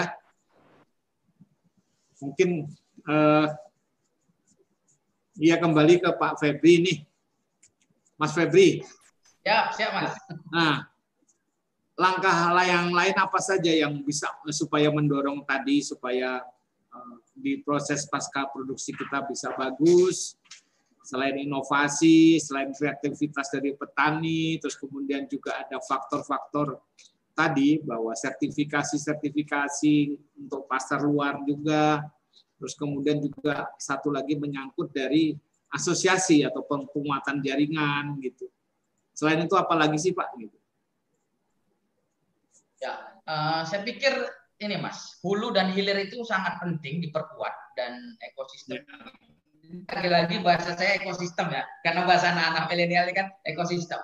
Nah, eh, ya. asosiasi itu sangat penting juga memastikan bahwasannya eh, berkopi, kita bicara konteksnya hutan perhutanan sosial ya, kawasan hutan. Nah itu kan ya. hari ini potensi hutan kita itu sangat luas, potensi hutan kita sangat luas, mau tidak mau kita harus melakukan praktek budidaya secara bahasanya agroforestika, secara berkelanjutan dengan meningkatkan nilai tambah dan itu tapi harus ada ukurannya harus ada ukurannya, harus ada targetnya. Tetap bagaimana itu harus demikian disusun. Misalnya uh, hari ini saya pikir banyak yang telah keluar izin perhutanan sosial. Banyak di Sumatera saya pikir dikawal oleh teman-teman misalnya sinergi dengan teman-teman NGO. Hari ini banyak sudah memiliki sertifikat dari menteri untuk perhutanan sosialnya sudah keluar. Nah, pertanyaannya pasca keluar itu kalau tidak dilakukan pendampingan oleh para pihak seperti teman-teman di asosiasi, teman-teman di pelaku industri dan pelaku usaha, saya pikir nanti ya dari hutan biasa aja lagi mas, tidak termanfaatkan karena memang keterbatasan teman-teman di di hulu tadi sangat-sangat besar, misalnya terkebatasan bagaimana praktek budidaya, bagaimana bibit, dan bagaimana misalnya membangun model pertanian yang berkelanjutan. Nah ini tetap memang harus membangun sinergi, membangun kolaborasi. Nah tapi tetap memiliki visi dan dibantu teknologi. Saya pikir itu poinnya. Teknologi itu kok memudahkan kita dan membangun trust saya pikir begitu. Nah, ya. ini ini saya saya lagi-lagi be, apa berpikir mungkin Alko itu kalau tidak dibangun teknologi, kooperasi bisa hancur. Kebanyakan kooperasi saya pikir itu hancur karena tidak adanya trust. Nah, dengan ada teknologi itu sampai penjualan berapa pun diketahui oleh petani. Nah, selama ini kan tidak. Kooperasi kadang-kadang tidak bukannya tidak sebetulnya sederhana, tapi karena lupa dengan hal sederhana tadi jadi anggota koperasi tersebut tidak bisa mengakses itu, tidak tahu gitu. Jadi hmm. jadi nah itu jadi problem juga. Nah dengan adanya ya sederhana saya pikir teknologi ini kan membantu memudahkan pekerjaan. Nah itu ya, bisa kelihatan. Nah itu itu poinnya mas. Satu ya, lagi ya. kemudian yang kedua komitmen. Nah ketika berkomitmen itu saya pikir lahir apa pun misi yang akan ditempuh tadi komitmen tadi. Nah sehingga ya. memang kita bicara kopi Indonesia itu uh, sebetulnya master map yang udah pernah saya bikin dulu, saya saya tulis dulu mas. Potensinya itu ya komoditinya kopi dan itu memang sampai hari ini kita punya bukti dokumen Belanda dulu memang nanam kopi besar di Indonesia apalagi di Sumatera ini mas. Banyak jejak jejak jejak uh, Belanda dulu yang besar udah, udah, udah lama sebetulnya Indonesia ini menghasilkan kopi dibawa ke Eropa sana kan. Nah itu yang harus kita kembalikan kejayaan itu dengan ya. dengan uh, tetap memperhatikan lingkungan tadi. Nah itu poinnya, itu mas. Ya, ya. Jadi ada satu semangat sebetulnya secara lokal bahwa mengembalikan satu kejayaan kopi itu harus. Seperti di Cianjur juga dilakukan seperti itu.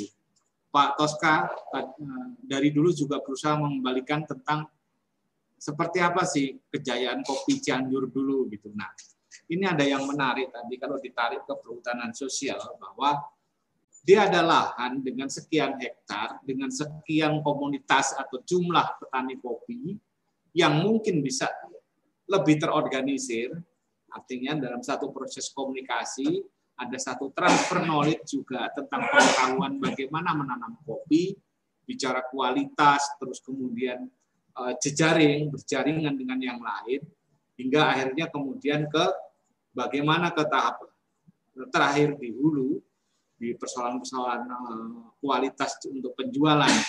Nah, ini sebetulnya sangat menarik. Menariknya itu tadi bahwa ini enggak sporadis petaninya gitu. Kalau di perhutanan itu sebetulnya lebih lebih ada satu pengikat di organisasi kelembagaannya, apakah dia kelompok tani hutan ataupun kemudian gabuktan, gabungan petani hutan ataupun lembaga masyarakat desa hutan ataupun yang lain yang lebih lebih bisa agak terarah gitu.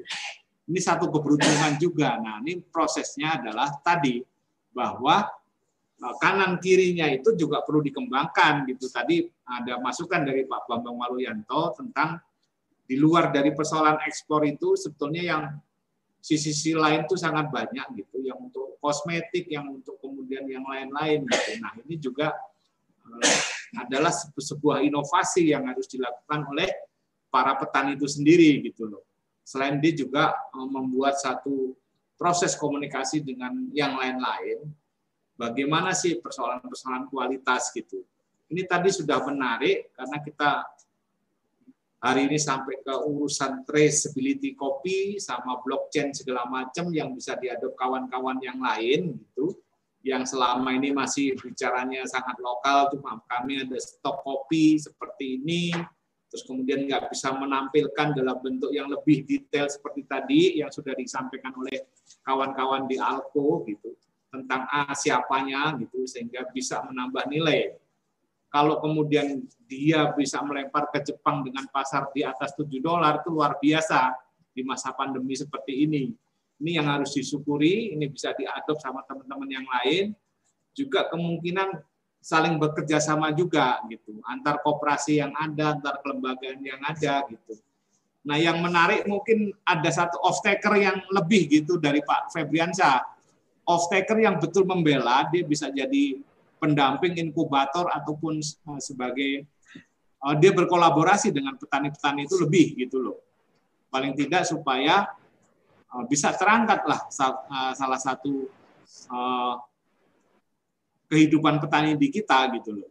Artinya dulu persoalannya lahan nggak ada, terus kemudian sudah punya lahan, sekarang tinggal urusan di produk tadi gitu loh. Nah ini juga uh, menarik gitu loh Aku mau nanya Mas Bambang nih, masih mendengar saya nggak Mas Bambang? Atau Mas Saiful? Ya, Mas, Masih, itu apa saja di luar dari masalah tadi yang bisa mendorong teman-teman uh, di petani itu lebih terangkat lagi gitu, Mas Bambang?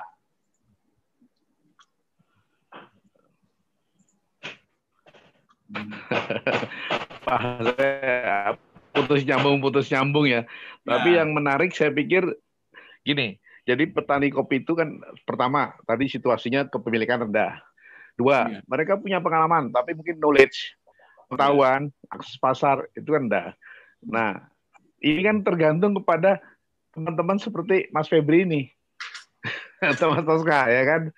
Nah, Mas Febri ini contoh nik, tapi kan mainnya di Sumatera aja Mas ya. Iya, di Sumatera aja. Ada juga dengan Mas Anas di Banyuwangi, Mas. Banyuwangi ya, saya pikir di Bali jadi juga. jadi jadi model, tapi juga ke Indonesia Timur. Ke Indonesia Timur kalau bisa itu. Jadi contoh-contoh kan selama ini barat aja nih.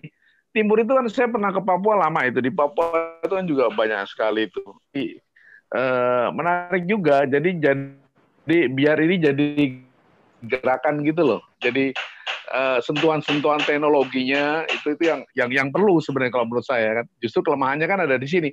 Teknologi input, teknologi produksi maupun teknologi pasca panen. Nah, apalagi supporting tadi blockchain-nya itu yang menarik itu, itu yang perlu di ini, yang perlu ditekankan dan disebarkan. Saya pikir jadi apa ya? Ya ini jadi model dan Mas Febri ya mungkin social entrepreneurship-nya juga harus lebih banyak juga nih kayak pikir di, beberapa tempat dan bisa menggandeng teman-teman milenial yang lain. Itu aja kalau saya catatan saya Pak Lurah. Oke, oke. Oke. Ini Pak Miftah masih bergabung enggak? Ini karena dia sinyalnya agak susah. Nah, aku mau nanya Mas Saiful nih, Malang. Mas Saiful masih mendengar saya enggak?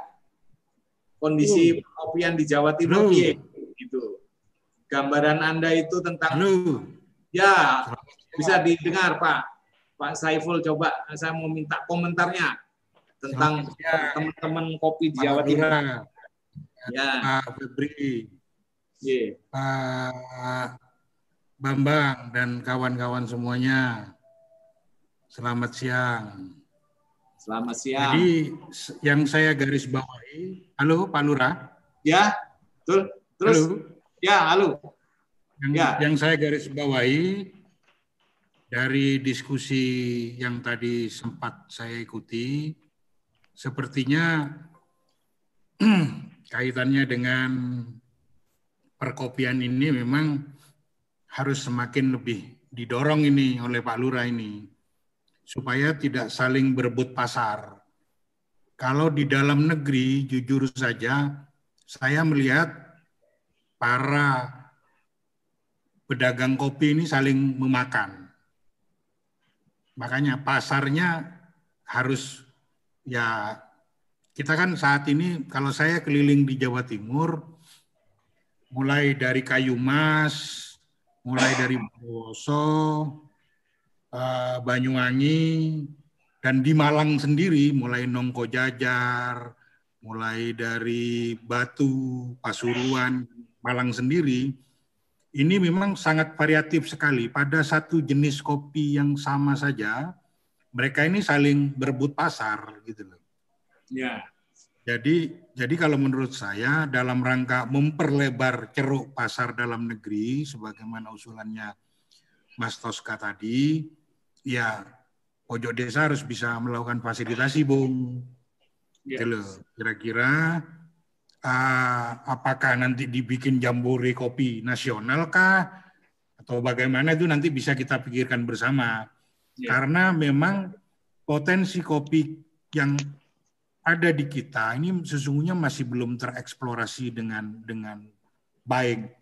Saya ingat 2010 pada waktu saya berkunjung di perkebunan bergendal di daerah Gayo sana, itu mereka sudah main ke uh, kopi luar. Hmm. Jadi ada perkebunan bergendal. Mungkin mungkin dari teman-teman Pak Dedi yang koperasi tani di Gayo mungkin mungkin tahu ya posisinya dia di di dekat Kabupaten Bener Meriah. Eh, jadi mereka itu 10 tahun yang lalu atau ya lebih lah 10 tahun yang lalu dia sudah mainnya ekspor. Tapi begitu saya tanya tentang kopi di di lokal, dia dia jujur saja saling saling berebut dengan kopi Mandailing gitu loh. Jadi oleh karena itu kalau kita memang serius ya kita pelan-pelan saja tanpa harus terburu-buru.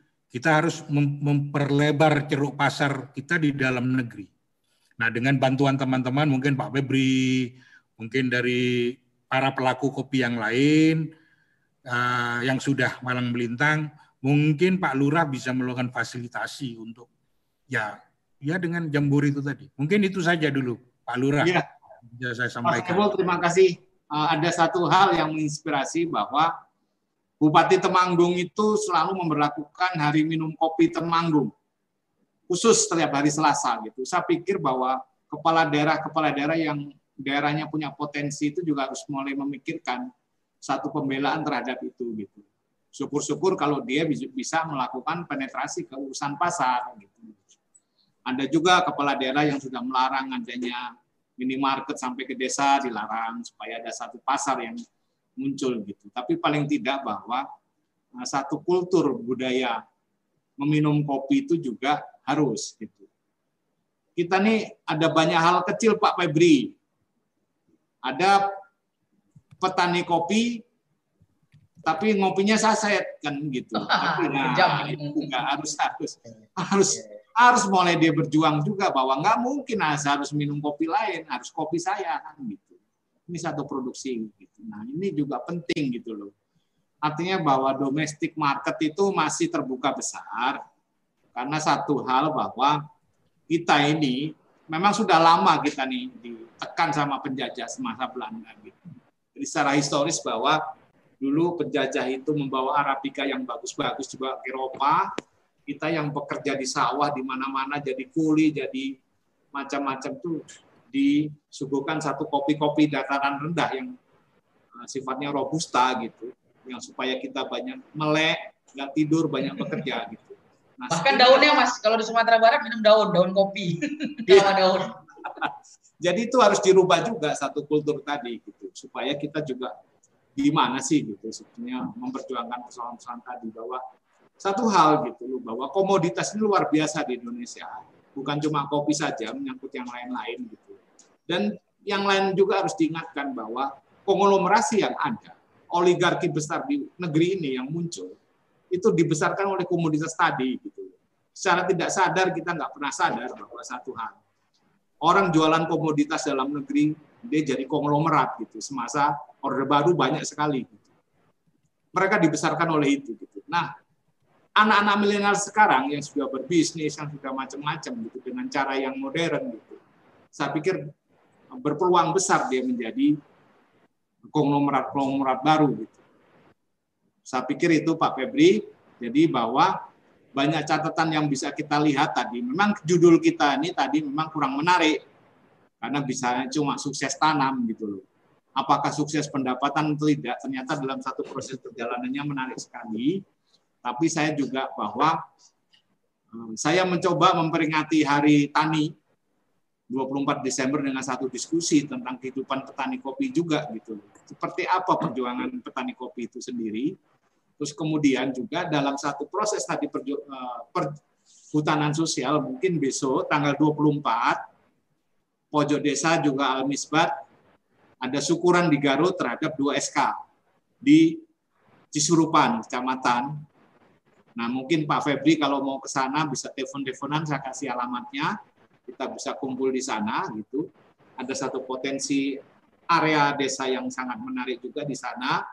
Terus kemudian pendampingan-pendampingan pojok yang di Bogor, pasca MOU dengan Bupati Bogor dan KPH Bogor, mudah-mudahan ada 79 desa hutan yang potensi wisata dan kopinya juga menarik. Di area Bogor Timur di satu kecamatan ada enam desa yang kalau dihimpun mungkin sampai 4.000 hektar area kopi. Walaupun robusta, fine robusta, karena di ketinggian 900 sampai 1.000. Mudah-mudahan menjadi satu basis penghidupan yang bisa mengangkat kehidupan petani kopi gitu. Karena ada satu keyakinan Pak Febri, ketika menanam kopi mereka nggak menanam, menanam sayur mayur lagi gitu. Kalau menanam sayur mayur, habislah bukit itu. Dihabisinlah semua pohonnya tapi kemudian ketika beralih ke kopi, dia melakukan satu konservasi, penguatan terhadap lingkungan. Terus kemudian ada pohon pelindung yang juga berbuah seperti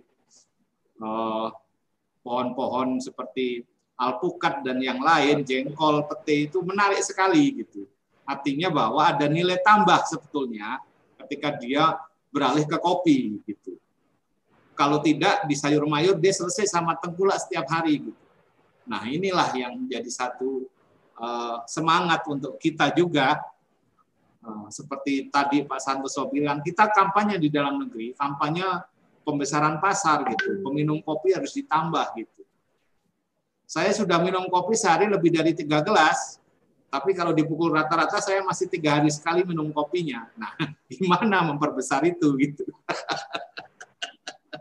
nah, kurang lebih gitu, Pak Suryono. Ini menarik Pak Surono kan. Pembesaran-pembesaran. Ya, Pak. Iya, secara kultur juga harus kita lakukan dalam rangka tadi supaya kita terbela lah pasar domestik kita dengan eh, kopi ini gitu. Betul Pak. Uh, izin Pak sebentar. Ya. Uh, sebenarnya apa yang dibangun di kooperasi kami adalah bagaimana memperdayakan anak muda.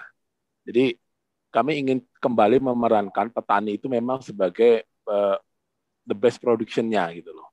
Kemudian yeah. peran koperasi sebagai memang off takernya kemudian di sana. Yeah. Jadi fungsi petani apa masalah petani selama ini adalah walaupun ada program pemerintah mendatangkan pabriknya langsung ke satu daerah itu, problem di petani tetap ada yaitu yang pertama ada dua. Yang pertama inkonsistensi produksi dan inkonsistensi quality.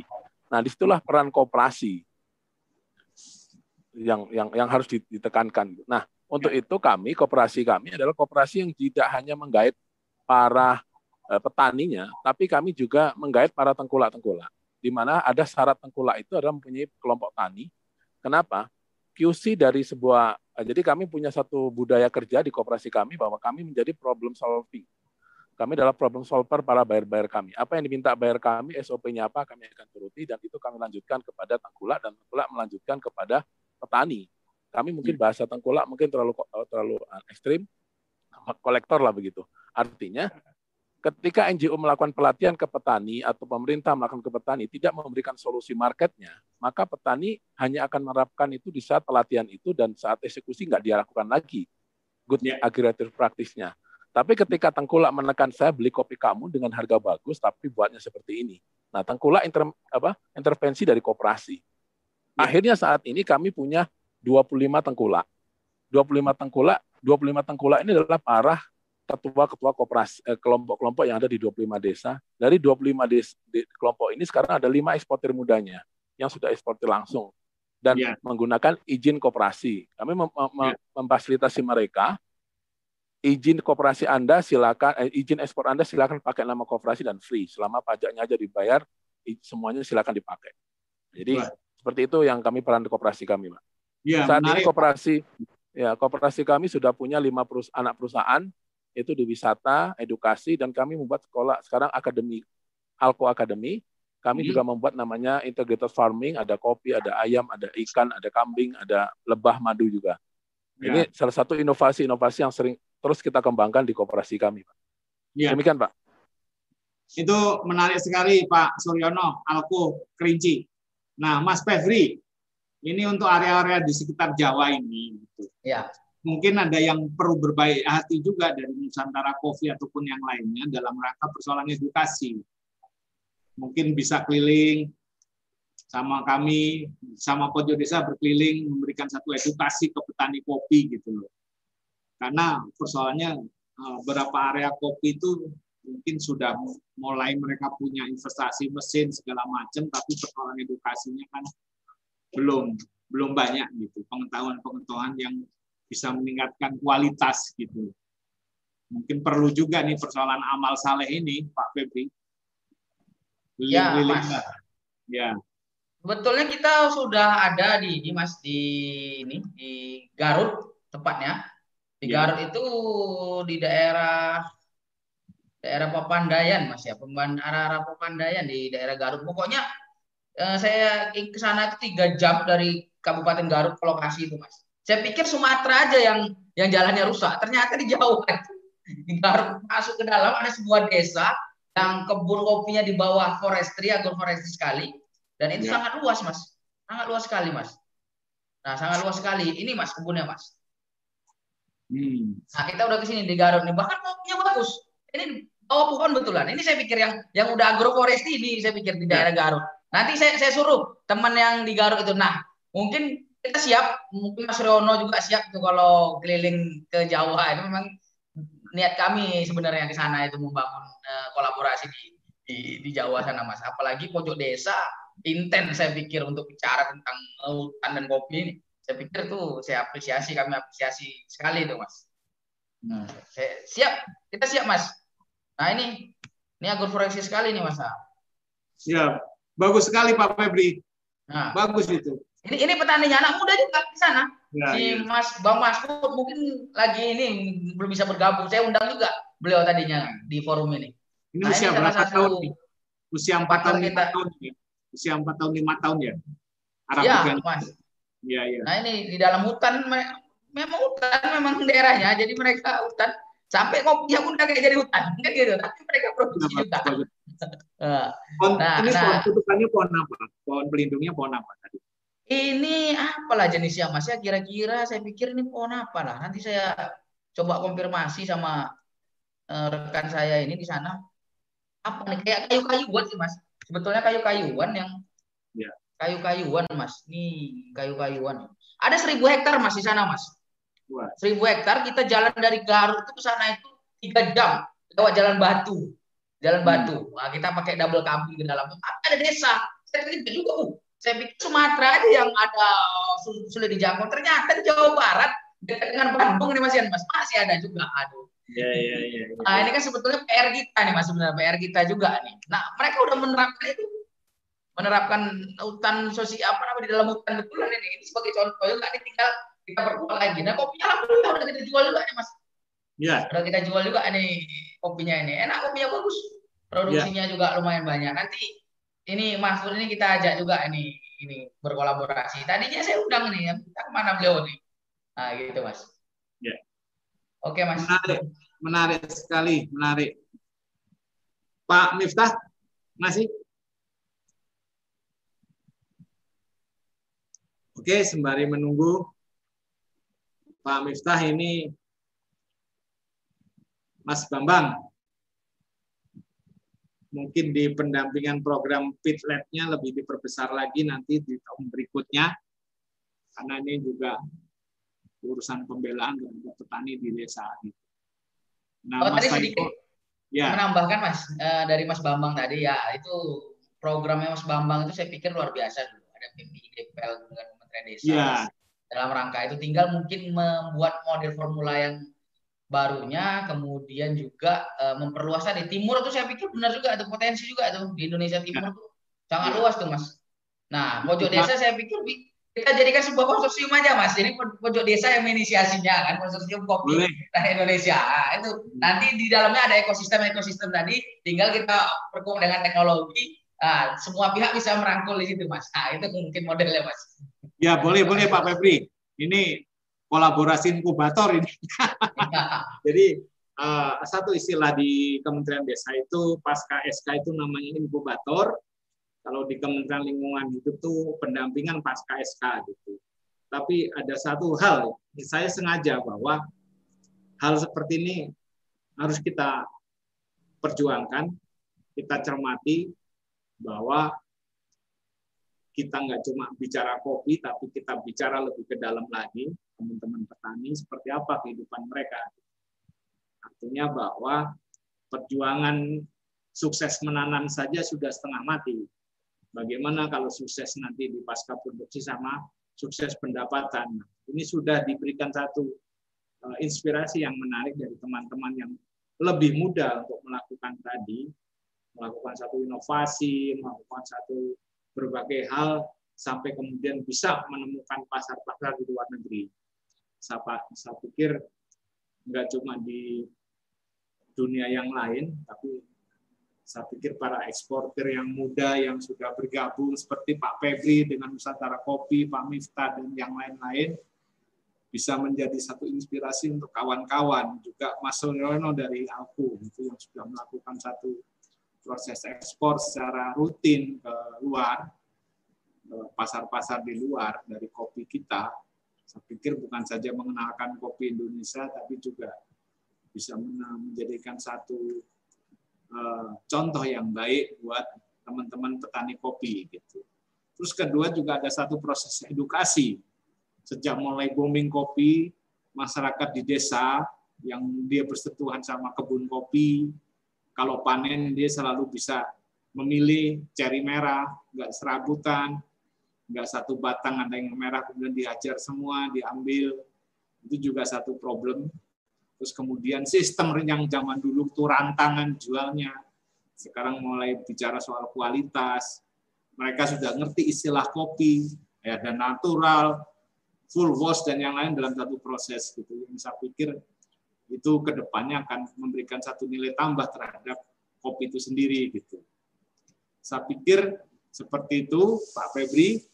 Mungkin ini sebentar lagi kita juga waktu kita habis Mungkin ada mau yang ditambahkan, Pak Aswar mau menambahkan mungkin dari Gayo Aceh sana yang masih kurang? Cukup ya. Mas Saiful mau tambahkan sedikit? Mas Saiful? Jadi, mau ditambahkan sedikit ya. Anu aja, uh, sebelum ditutup, semoga usulan dari teman-teman atau mungkin yang dari Pak Febri tadi ya. bisa kita tidak lanjuti, Pak. Itu aja. Nih. Semoga. Pak Febri, gitu. ya. Terima kasih Pak Febri itu ada satu dukungan dari Mas Saiful tentang tadi satu kolaborasi. Ya, senior. Pojok, Harus ya. nih senior dorong nih. Di pojok, di inkubator gitu dalam rangka tadi gitu. Saya terima kasih sekali juga. Nah ini ada Mas Bambang mau nambahkan apa nih? Akhir. Oh iya, itu gagasan Pak Febri itu bagus Pak. Jadi pojok desa itu harus segera mengorganisir. Jadi kita belajar kalau dulu revolusi hijau didukung pemerintah, sekarang revolusi kopi itu harus didukung oleh pojok desa. Sebagai motor lah, saya yakin itu bisa Pak. Zaman sekarang ini kan zaman bisa koneksi ke semua tempat dari Sabang sampai Maroke. Ya, segera ya Pak. Pak Lurah, segera Pak Lurah. Saya cari nanti, Pak Lurah. cari. Kita tunggu siap. Ya Mas Bambang. Iya, siap. Luar biasa. Luar biasa. Jadi memang uh, hmm. mungkin nanti kita akan berkolaborasi di programnya Pak Bambang tadi, Pak Febri.